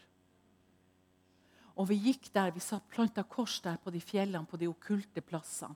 Og Hun samler inn penger, pluss at hun er veldig rik, til å bygge en pyramide der alle religionene skal komme inn og tilbe Gud sine guder, med andre ord. Jeg vet ikke hvor langt hun har kommet i prosessen, men kommunen sier hun har en veldig anerkjent eh, stilling i, eh, i, i, Norge, som en av de høyeste i, eh, ja, i Norge. Så har hun mye anerkjennelse. Her står det f.eks. at du kan gå inn og ta forskjellige apper. En eh, velsignet helg i Norge, altså dagen, der du kan få forskjellige apper så du kan begynne å og eh, ha mindfulness og meditasjon. og i det hele tatt. Og Her ser du disse forskjellige formene i buddhisme, og det ser jo så fint og snilt ut. og alle de her tingene. Mindfulness brukes ofte til et hjelperedskap som er rosin i munnen, som jeg sa i går. Det er for at vi skal lære å håndtere kroppsdeler at vi skal få lov å kjenne at tar vi en rosin i munnen Den er litt sånn knudrete. Ja, mm -hmm, tunge må kjenne den. Og så er den litt søt. Og jeg må ikke svelge den, jeg må ikke spise den, for organet skal bli kjent med den. Det skal gå opp i hodet. Alt det som jeg har i hodet, skal forsvinne, for nå er det rusin som er i sentrum. Og skal jeg få lov å kjenne at han er litt søt. Mm -hmm, der er han ikke smak, der er han smak. Ja, mm, skal bli kjent med tungen min, for den er jo den som skal styre. Og så gjør de den lille øvelsen der, og så gjør de en send-metode som gir oppmerksomhet til et lem. For stedet å gi oppmerksomhet til Gud. Det står om at de driver mindfulness i Bergen som heter Renate Scholz. Renate Scholz. Hun er inspirert av Kabat Sin, altså han som har etternavnet der. Som er mester i zen-buddhisme. Og Hun sier at hun skal gjøre alt hun kan for å få det inn på offentlig sykehus, Diakonhjem i Oslo, Haraldsplass Diakonhjem eh, i, Bergen og på Lindeberg. Familiebarnehager eh, med yoga, meditasjon og mindfulness. Eh, Lindegård er en del av eh, Tornsvall barnehage i Oslo og Bærum. Og dette kommer til å florere i eh, landet vårt. Espen Bråten har praktisert meditasjon i over 30 år. Han jobber på studenter på videreutvikling i mindfulness på Haraldsplass Diakonisse høgskole. Mindfulness er med på å endre synet på det mentale, på kroppen, på sinnet. Og er med på å bearbeide øyeblikket. Det har en påstand at de praktiserer eh, og gir oppmerksomhet som kan gjøre oss mer robuste, sånn at vi tåler smerte, lidelse, skriver Einar, Per Einar Brigde i en ny bok. Han framstiller Buddha som en eh, psykolog, som en guru. Han sier at Buddha-oppskriften er å bli kjent med sitt eget sinn, sin egen kropp og velvære. Å forstå dette in mindfulness gir velvære og funksjonalitet. Sitat fra hans bok. Det å merke tanken eller en følelse eller en lyd er på linje med å kjenne duften av en eplekake.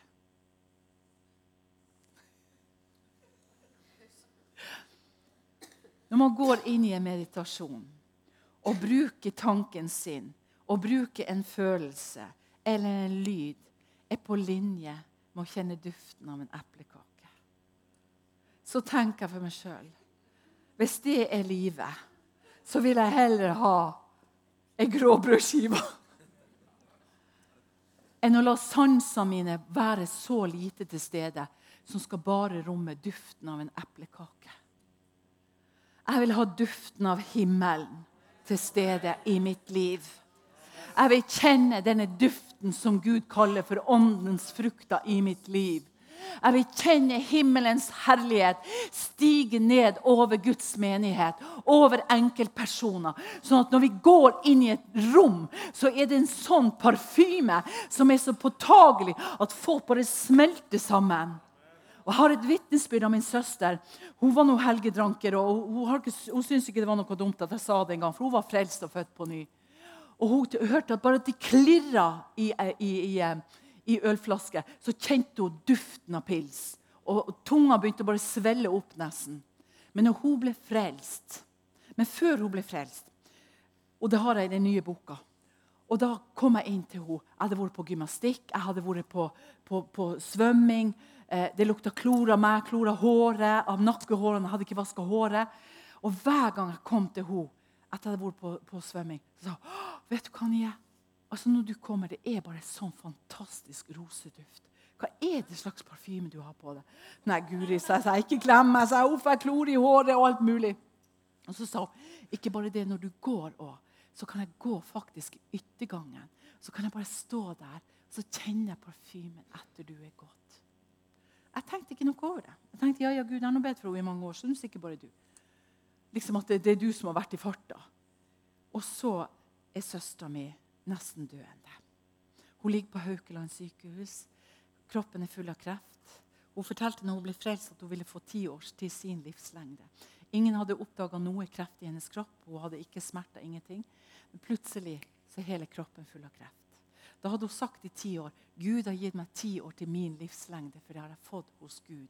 Det var bare jeg og hun som visste det. Det hadde gått ti år og noen dager. Hun ligger på Haukeland sykehus. Hun er bare et lite skjelett skryter av at hun har drukket en liten teskje med vann. For masse intravenøs. Så sier hun det kom noen til meg i går og ville be for meg. Å, sa jeg. Men de sa til meg det at um, kanskje ikke jeg har tro nok siden ikke jeg ble helbreda. Uh, og, og, kanskje Gud ikke har hørt min bønn likevel. Og plutselig når de gikk, så følte jeg det var en sånn stygg stank og så sa jeg å, var det stygg lukt? Ja, så det var noe sånn merkelig. Og i den stygge lukta så var det akkurat som det kom inn i nesen min og gikk ned i kroppen min. Og så sa hun, og den lukta der den fikk en følelse av at jeg er ikke sikker på om jeg kommer til himmelen. For at jeg er full i vantro. Men ingen skal få lov å ta fra meg troen, sa hun. For ingen kan rive meg ut av Guds hånd. Og de, de tynne fingrene hennes gjorde sånn, så vidt at hun klarte å åpne handa i senga. Så sa hun, men jeg husker ett bibelord. Ingen skal rive meg ut av Guds hånd. Om jeg lever, så lever jeg for Herren. Dør jeg, som dør jeg for Herren. For at jeg har planta mitt hjerte i Gud, og Gud har frelst meg og født meg på ny. Han har løst meg og satt meg i frihet. Og plutselig så sier hun kan du lukke opp vinduet. Så gikk jeg til vinduet og sa er det varmt her. eller noe sånt. Nei, så bare viska det ut. Så sa hun jeg skal bare kaste ut vantroen. Så kom i går med den dårlige lukta. For han er her fremdeles på rommet. Så. Bare gikk jeg til vinduet. Så bare Satan, jeg kaster deg ut, du vantroen som kom inn her og smitta søstera mi. Og prøv å fortelle henne at hun ikke har tro nok. Hun er salig. Det første i hele mitt liv kunne jeg si. Hun er salig i sin tro. Hun er overlykkelig i sin tro. Her hun ligger, halvdød Gud. Ja, sa hun bare. Hun var salig. Og jeg lukker opp vinduet. Jeg bare kaster vantroen og da var det tungtransport og alt det der, så jeg bare tok igjen vinduet i full fart. Og så snudde jeg mot søstera mi så sa hun det at, eh, så sier jeg til Eli kjenner du at han er her. Vet du hva hun sa? Jeg kjenner duften av han. Og på rommet kom det en enorm roseduft. Så kom ei dame inn som sa å, ja, har du besøk, så skal ikke jeg forstyrre. Og så begynte den dama. Og så bare tok jeg rundt og sa du forstyrrer ikke. det er ikke derfor jeg griner. Jeg bruker ikke å grine. Jeg kommer inn på rommet til folk. Og da bare så jeg til henne idet jeg gikk ned i heisen, så sa jeg, kjente du også at Gud var her? Ja, sa kjente at Gud, Hun kjente ikke Gud, men hun kjente Gud var til stede. Så vi skal ikke bare ha duften av en eplekake.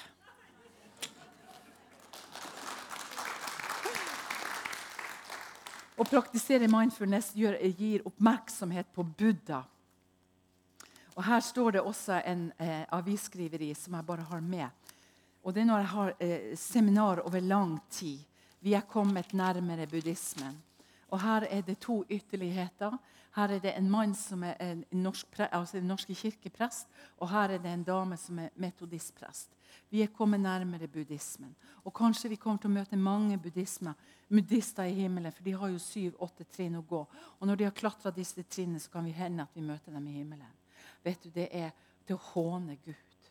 Rett og slett å håne Gud. Det er kun én vei til himmelen, og det er gjennom Jesus Kristus, vår Herre. Så vi skal fokusere på det som vi skal gi oppmerksomhet til.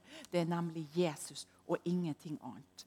Det man fokuserer på i buddhisme og meditasjon, er, de sier at det er nøytralt. De sier det å dvele på ved å reflektere eller å kretse rundt. Men det er ikke sant. På norsk betyr ordet egentlig meditere og grunne på.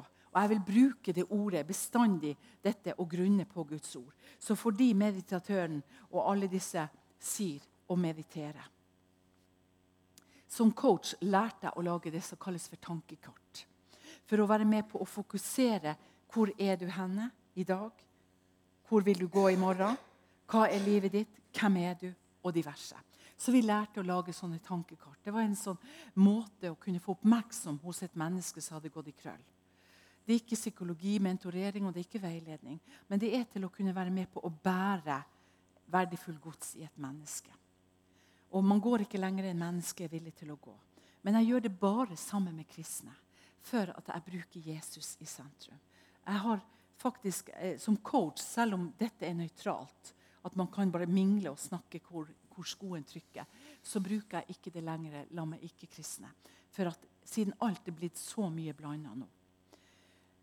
Så hvis vi skal virkelig kjenne det at mindfulness og yoga og alle de her tingene hva, hva, det virkelig er, så er det ren og skjær buddhisme, av Gud ri i landet vårt. Mindfulness og yoga det kan virke attraktivt i verden i dag, men det er kun når de ikke er fornøyd med Gud. Og Synd gjør vi når vi ikke er fornøyd med Gud. Da synder vi tanker, ord og gjerninger. Og, og menigheten den synder når de ikke er fornøyd med Gud, med mindfulness, og har send i hovedsetet og jeg. Bibelen sier at vi skal være fylt av Ånden, og vi skal ikke fullføre kjødets gjerninger. Her måtte jeg ta noe ut av Olsvik kirke. Og her er min gode venn, som var fra zen buddhisme til kristendom. Der han virkelig får lov å skrive hvor farlig det er å gå inn i buddhisme og mindfulness. Som mennesker sier at nei, det er bare en måte å slappe av på. Det er det slettes ikke min mening er at mennesker lærer å bli egoistisk, gå inn i seg selv, finne et rom, gå inn i buddhisme, avguderi og demoners lære. Det er sanselig og djevelsk. De innvier seg til kosmos og energikrefter, og de tror på reinkarnasjon og alle disse tingene. Jeg har bare lyst til å si et ord til slutt, i Salme 1.1.3. At vi skal grunne på Hans ord.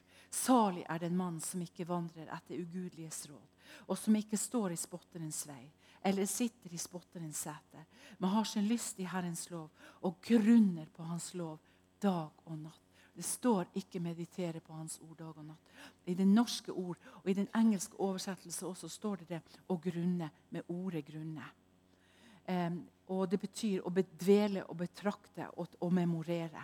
Så i ordet i seg sjøl, 'meditere', er ikke et farlig ord. Men jeg bruker det bevisst ikke fordi at det er, det er bundet med zen-buddhisme og mindfulness. Så la oss virkelig grunne på Jesus. Det er viktig at vi Guds barn får vite om disse tingene her. Og jeg vet at mange av de tingene og enda bare cruiser litt på overflaten, kan bli litt mye. Det kan bli litt surr i hodet vårt og det ene med det andre. Men vi skal vite at yoga eh, og mindfulness og alle de her tingene, det er med å utvikle askete, sånn at vi går inn i en annen virkelighet enn Gud. Og at vi er helt til stede som Guds barn. Når vi innvier oss til Gud, til ånd, sjel og kraft, så er vi et Guds barn til alle delene i oss. Jeg og Bjørg vi var på et møte her for en stund siden. så... Eh, så hadde jeg hatt et vanlig møte, og så sier hun, hun møtelederen kan ikke du bare fortelle litt om, om, om alternativ. Så tenker jeg, I ettermøtet kunne ikke jeg begynne å fortelle om alternativ. Så jeg tenkte bare det at Når folk hadde kommet fram til forbønn, så sier jeg bare det at er det noen av dere som har akupunktur på dere? Eller sa jeg det i går? Nevnte det i går. Er det noen som har akupunktur på dere? Så tenkte jeg nei, gud, hvorfor sier jeg det? Akupunktur det tar jo vi av når de har hatt så og så mye. og Går jo hver uke til akupunktur og alt det her, og, og stiller inn meridianene og alt det. Og det kunne jeg fortalt mye om, hva som egentlig skjer i akupunktur. Men vi har ikke tid nå. Men, Så det var bare det jeg visste om akupunktur. Og så går jeg til en dame. Hun var like høy enn meg, 1,80 høy pluss. Og hun var veldig stor. Og det er ikke for å si at hun er høy og stor, men det er bare for å forklare for noen krefter så går jeg bort til henne, så, så hører jeg jeg si sjøl du, 'Har du akupunktur på deg?' 'Ja', sa hun.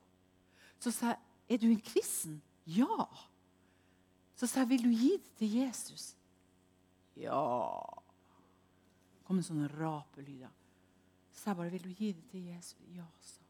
Så, så bare tok jeg hånda fram, for jeg ville ta imot det. Bare og Idet hun tok handa så langt fra øret, da hadde hun en liten akupunkturnål som var kjempetjukk, som skulle stå i sentrum av øret. Og dette sentrum der den skulle gjøre sånn at den skulle skru seg ut ettersom yin og yang, lys og mørke, balanse skulle være i kroppen. Eh, hun skulle bli helbreda, det åndelige og det fysiske og psykiske. Når det er i balanse, så ville de være med på at kosmos og Gud kunne komme til hun blanda Gud og Jesus og kosmos og alt det her greiene her. Og hun har vært kristen i alle år. Og gikk i en helt eh, flott menighet. Og idet hun gjorde sånn Hun kom ikke til øret sitt engang. Så er, kommer dama ca. så mye opp fra bakken og går bakover tre stolrader i en bue. Og Bjørg og en annen dame de, de sto og ba for en annen dame. Og jeg bare sier Bjørg, du må komme nå med en gang. Magen hennes det beveger seg så intens. Jeg visste det var kunalini-slangen. Det var sentrum av, av, av denne chakra som var inni henne, som hun hadde tatt imot. Og Idet hun bare ligger der, og alt bare rister og beveger seg, og vræler og fråder Og Folk i menigheten blir jo redde. De har jo ikke sett sånn før. Og en, en, en, dame som hadde blitt invitert på det møtet, hun var ikke frelst, hadde en liten datter med seg. Hun tar tar eh, handa framfor dattera sine øyne, opp med dattera og piler ut. Og Jeg bare ber noen kristne gå etter henne. Ikke sant? Hjelp henne. For jeg visste at hun ikke var frelst. Men jeg kunne ikke hindre det som skjedde. Og så sier jeg bare dette er vanlig i en kristen menighet. Dette bør være vanlig. Det skal være vanlig i en kristen menighet. Og, eh, og når de kom og ba for henne, sånne ting, så bøyde jeg meg til henne og sa får jeg lov å si hva som skjer. Innimellom sånne, sånne rap og sånn. Ja, bare si det. Og så fikk jeg lov å si det, og så dere fikk be til henne og bare drive det ut. Og det nesten bare kom ut av munnen hennes. Og eh, da sa den lille jenta så sa hun, Det var ikke jeg som var redd, det var mamma. Så sier jeg, 'Var du ikke redd?' 'Nei, for du hadde sagt du har en bok som heter 'Sannhet'. Og den boken har vi ikke hjemme. Så sier jeg, 'Mener du Bibelen?' Nei, ikke Bibel, men den. Så pekte hun. Men den. Så sa jeg, hva er det? Det er sannheten. Så hun hadde sagt til mora, jeg ble ikke redd, for det var bare sannheten. Et lite barn på seks år. Så når hun hadde sittet og skrevet, så fikk jeg en fin tegning også til hun lederen. Og der hadde hun tegna en bibel, og der sto det med skeiv skrift og noen bokstaver opp ned. Sannhet. Så vi trenger ikke å være redd barn. Av barn og Dimunds barn har Gud beredt et vern, en lovsang, på vår jord. Så likevel, selv om vi opplevde tøffe ting, så kunne vi også oppleve at vi sa til menigheten menighet, dette bør være vanlig. Halleluja. Halleluja. Det var en liten del av mindfulness. Det er for at vi skal kunne forstå disse kreftene som egentlig er i mindfulness, som er på skolene og overalt i dag.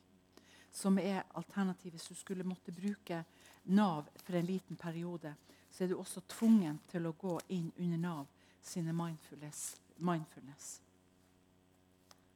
Nå er klokka halv to. Jeg har bare lyst til å be en felles bønn, for jeg snakka med en dame i sted. Og Hun fortalte det at hun hadde Vi ba i sted, så det er greit. Men vi, vi snakker om det her om at etter at hun hadde vært kristen noen år, så hadde hun vært inn TM, transcendental meditasjon. En av de sterkeste meditasjonsformene. Der rett og slett man blir bundet. Og eh, Hun kunne si til meg det at hun var, følte seg litt trist, og at eh, hun eh, ja, opplever at Den hellige ånd at hun får bønnesvar og det ene med det andre. Det er to forskjellige måter å gå inn under disse okkulte kreftene. Nummer én det er før du blir frelst. At du går inn under de kreftene. Der gikk jeg. Så jeg var, for å si det enkelt, besatt. Men jeg visste det ikke, og jeg ville ikke innrømme det. At jeg var besatt. Men når Gud løste meg og frelste meg, så så jeg at jeg hadde seks demoner som bar denne kista ut fra denne grotta. Fikk et fantastisk syn der Satan gikk foran denne kista. Eh, jeg ble løst og satt i frihet. Men jeg hadde etterslep i kroppen. Enn hvor rart det høres ut. Jeg følte meg stygg og fæl. Jeg hadde hatt masse menn. Jeg var bundet av seksualitet uten at jeg hadde behov for seksualitet. Jeg var så ung. Men inni alt dette her, inni de seansene, så ble jeg òg misbrukt en gang til etter at jeg var 15 år. Um, så kroppen min, han, han, var ikke på plass. Og det var ingen som kunne løse meg. Jeg stridde med autoriteter. Jeg kunne være sint på autoriteter, særlig hvis de var eh, liksom litt høye. Minte meg litt om far min, eller kunne minne meg litt om han som forgrep seg på meg. Eh, så ble jeg veldig aggressiv. Du kunne være en flott pastor. Jeg torde ikke å gå nært. Jeg fikk hån, jeg fikk hat. Jeg kunne ikke skjønne det. Jeg fikk hat til menn. Det eneste jeg kunne gå nær til, det var min eh, mann som fridde til meg, og vi gifta oss. Jeg ble ikke mamma på mange år. Jeg ville jo gå til forskjellige alternativer, for ingen hadde fortalt meg noe. Og jeg vet mange kristne som har gått til akupunktur for å bli gravid. og det ene med det andre. De er kristne, de går i menighet. De, de ikke snakk om det. Ingen har sagt noe som helst. De går til forskjellige behandlinger og sånn. Og, um, for andre ting også. Og dermed så måtte jeg bli løst. Måten jeg ble løst på, at jeg måtte si til venninna mi Anne, jeg har vært frelst i mange år. Jeg har problemer med menn og autoriteter. Og så, Det er jo ikke rart, sa Vet du, Når vi går på gata, så holder bussen å kjøre inn i busskuret for stedet og stoppe når han ser deg.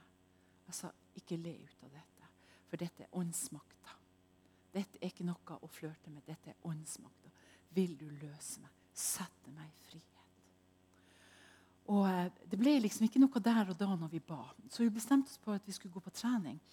Og så Mens vi satt på hver sin sykkel og trente, så kjente jeg Den hellige ånd komme over meg. Herren sa tiden er inne nå til at du skal bli løst. Og jeg sa Anne, kan du be for meg nå? Kan du be for meg nå? Jeg må bli løst fra disse demoniske tingene i min kropp. Jeg klarte ikke å gi kroppen til Gud. Jeg, jeg hadde ikke liksom fått, fått uh, skjønne det her med at romerne tolv Nei da, det var jo bare noe som sto for noen andre. Det var, liksom, hadde ingenting med meg å gjøre. Og da sa jeg jeg er villig til å gi kroppen min til Gud, sjelen min til Gud. Nå vil jeg gi Jesus alt. Nok er nok. Jeg har et kall på mitt liv å bli forkynner. Nå er nok er nok. Mannen er ikke blitt frelst, jeg kan ikke vente på ham. Nok er nok. Og så sier hun, 'Å, Jesu blod, jeg bare driver det ut av ånda.' Så sa jeg, 'Kast det ut.' Og så lå jeg faktisk rundt doskåla der på treningssenteret. Og det var noe inni meg som bare ville opp. Jeg tenkte, er jeg dårlig? Er jeg syk? Begynner jeg å få influensa? Øh, jeg blir kvalm. Så sa jeg bare, sa jeg bare til henne, så hørte jeg en stemme som sa 'throw it up'. Og så tenkte jeg, så sier jeg bare til venninna mi kast det ut, for jeg vil kaste opp. Og idet hun tok autoritet over det, i Jesu navn, kasta det opp. Du plager ham som har vært i mitt liv siden jeg ble misbrukt som seksåring, siden jeg ble misbrukt i det okkulte, siden jeg har vært med på seanse, siden alle menn. Jeg er fri i min ånd. Det er ikke det, men han var jo ganske knebla. Men nå skal jeg bli fri til ånd, sjel og kropp i Jesu navn. Fra den dagen ble jeg reist opp med Herren. Fra den dagen ble jeg et nytt menneske. Fra den veien, dagen skjedde det noe nytt i mitt liv. Og jeg fikk nye tunger. Jeg fikk nye. Min foreldre ble frelst. Søstrene mine ble frelst. Broren min ble frelst. Maren min er frelst. Familien. Det har skjedd ting i familien. At jeg kunne få lov til å bli oppreist. Så derfor sier jeg når du er, har vært i det okkulte, eller før du ble frelst, så er det ting du må bli løst fra først, men du må også bli løst i kroppen. For vi er tempel, har vært et tempel. Man har husa noe. Jeg er så bastant. Når du har gjort noe og er frelst, så har Satan fått et tåhull inn i kroppen og inn i ånden. Han har rett og slett fått noe som ligger foran Gud og mennesket. Og det må vi være ærlige med. Det var en dame som sa en gang til meg at, at hun hadde mista mannen sin. Så sa hun vet du hva, jeg kommer aldri til å ligge, ligge, med noen. Nei, det er fint, det, sa jeg hun. For du kan ikke gjøre det før du, du gifter deg. For hvis ikke så er det én ånd med han og alle disse marerittene han måtte eventuelt ha, av angst, depresjon, alkoholisme, eh, hva det nå enn måtte være, så kommer du til å bli smitta ut av det. Og det kommer til å bli ført inn via en uren ånd, uansett hvor du elsker hvor glad du er. Og så kommer hun krumbøyde til meg en dag så sa hun, det har skjedd noe. Så sier jeg hva har skjedd? Ja, jeg har ligget med den mannen. Men det er lenge siden, og jeg ble veldig deprimert. Jeg ble veldig sint. Så sier han du sier jo at han er så snill. Nei, egentlig så har han vist en annen side etter at vi begynte å være sammen sånn, nesten som en ektepar. Og han ville at jeg skulle flytte til han og alt det her. Så sa men egentlig så er det jeg som er blitt veldig sint. Og plutselig Jeg klarer ikke å lese Bibelen. Jeg føler dårlig samvittighet. Jeg har jo bedt Gud tusen ganger om tilgivelse. Da sa jeg til henne da skal jeg drive det ut av kroppen din. Dette så du har blitt smitta i din sjel og i dine følelser som Satan vil holde på avstand. Du har bedt om tilgivelse. Men hvorfor er det at mennesker går krumbøyd og nedbøyd og utslitt? Svein Veum vil jeg reklamere for. Han bor i Tromsø. Og Han har et, et seminar som heter 'Renhet og Gud og seksualitet'. Han har fått en fantastisk åpenbaring hva det vil si å holde seg ren for Gud. Til ånd, sjel og jeg har fått de CD-ene hos han, men jeg har ikke hatt tid til å høre dem ennå. Jeg skal høre dem i jula. Og jeg tror mange ganger når man har kommet inn, uansett om det har gått veien via seksualitet, narkotika, eh, eh, fyll og festing, altså vrøl som står i Bibelen, eh, også dette med å prøve yoga, meditasjon, mindfulness, dette med å gå inn under helsekost og det ene med det andre. Eh, Mannen min han brukte å si til meg når jeg gikk i den store menigheten, og så sa han Annie, det er helt greit at du gir tiende. Det er helt greit at du gir hellige gaver. Han er veldig godhjertig mann. Og han blir lett rørt hvis det er noe å kunne gi til noen. Men han sa, 'Men hva skal du med de der posene som står 'Shine' på hver gang du går i menigheten?' Og få de der shotene og alt det der. Hva skal du med alt det der? Så sa han, 'Jeg skjønner ingenting. Jeg ser du har brukt kortet mitt.' Til, til de her Shine-produktene. Bruker du de her Shine-greiene? Og ikke bare det. Jeg fikk jo poser til han òg. For han var jo overvektig mann, stakkar. Og han har en god pondus. Jeg bruker å si jeg liker alle kiloene med han. Men du vet, det likte ikke mine venner. Så de sa han kommer til å få hjertefeil snart, han kommer til å få sukkersyke. Ja, og de profeterte over huet mitt så det suste etter. Så jeg fikk så mye helsekost med meg hjem. Jeg kunne prøve det gratis på min mann. Og ikke bare det. Jeg fikk altså så mye slanke oppskrifter at den ene eh, Lindberg eh, tok over etter den andre. Til slutt så sa mannen min er det sånn det foregår iblant kristne.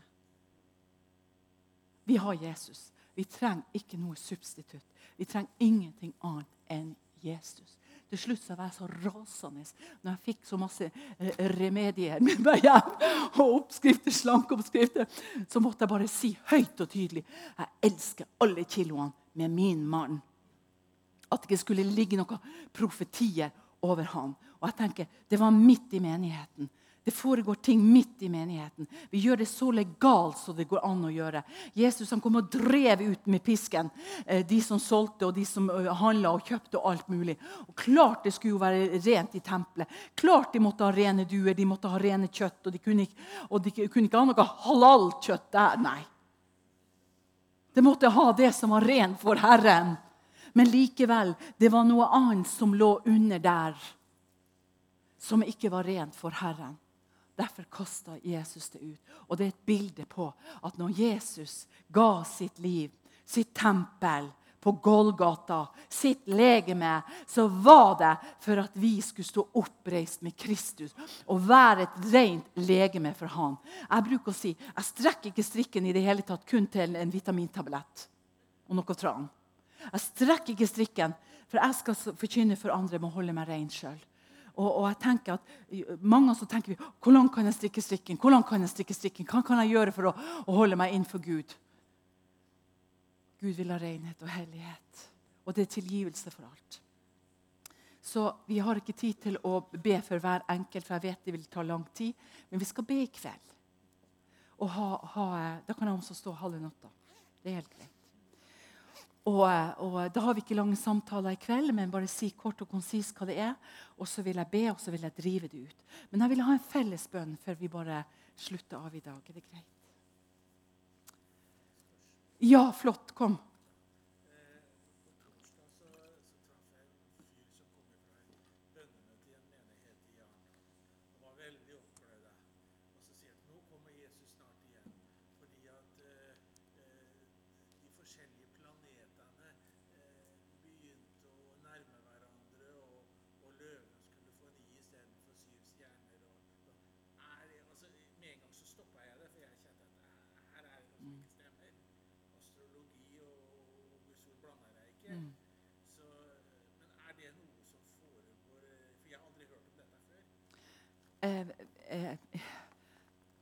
Astrologi så, så, var det jo tegntyderne på Jesus' i tid ikke sant? som kunne se alle disse tingene. Og Gud kan bruke det som er der oppe. Ja. Men så er det alle astrologene som bruker ting som også kommer inn i kristne kretser. Jeg bruker å si, Det står i Bibelen de tilba skaperen. Skapelsen framfor skaperen. Og det er veldig lett å ta når vi vet at det står i Bibelen i Joel 3 at det skal skje gjærtegn i himmelen og ned på jorda. Månen skal bli til blod, og solen skal bli til sekkestrie før Herrens dag, den store og mektige, kommer.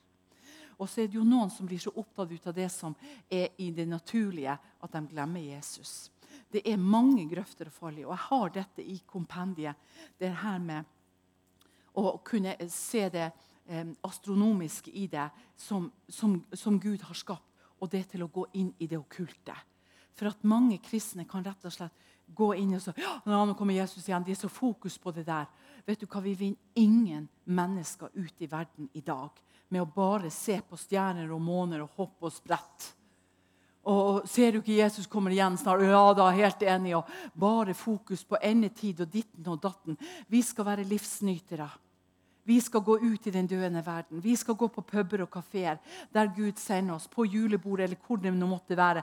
Vi skal heise flagg om at vi er ærbare for Gud, og ikke være opptatt av alt dette her pøet som, som, finnes, som blir, som blir, sentrum på en måte for hjertet.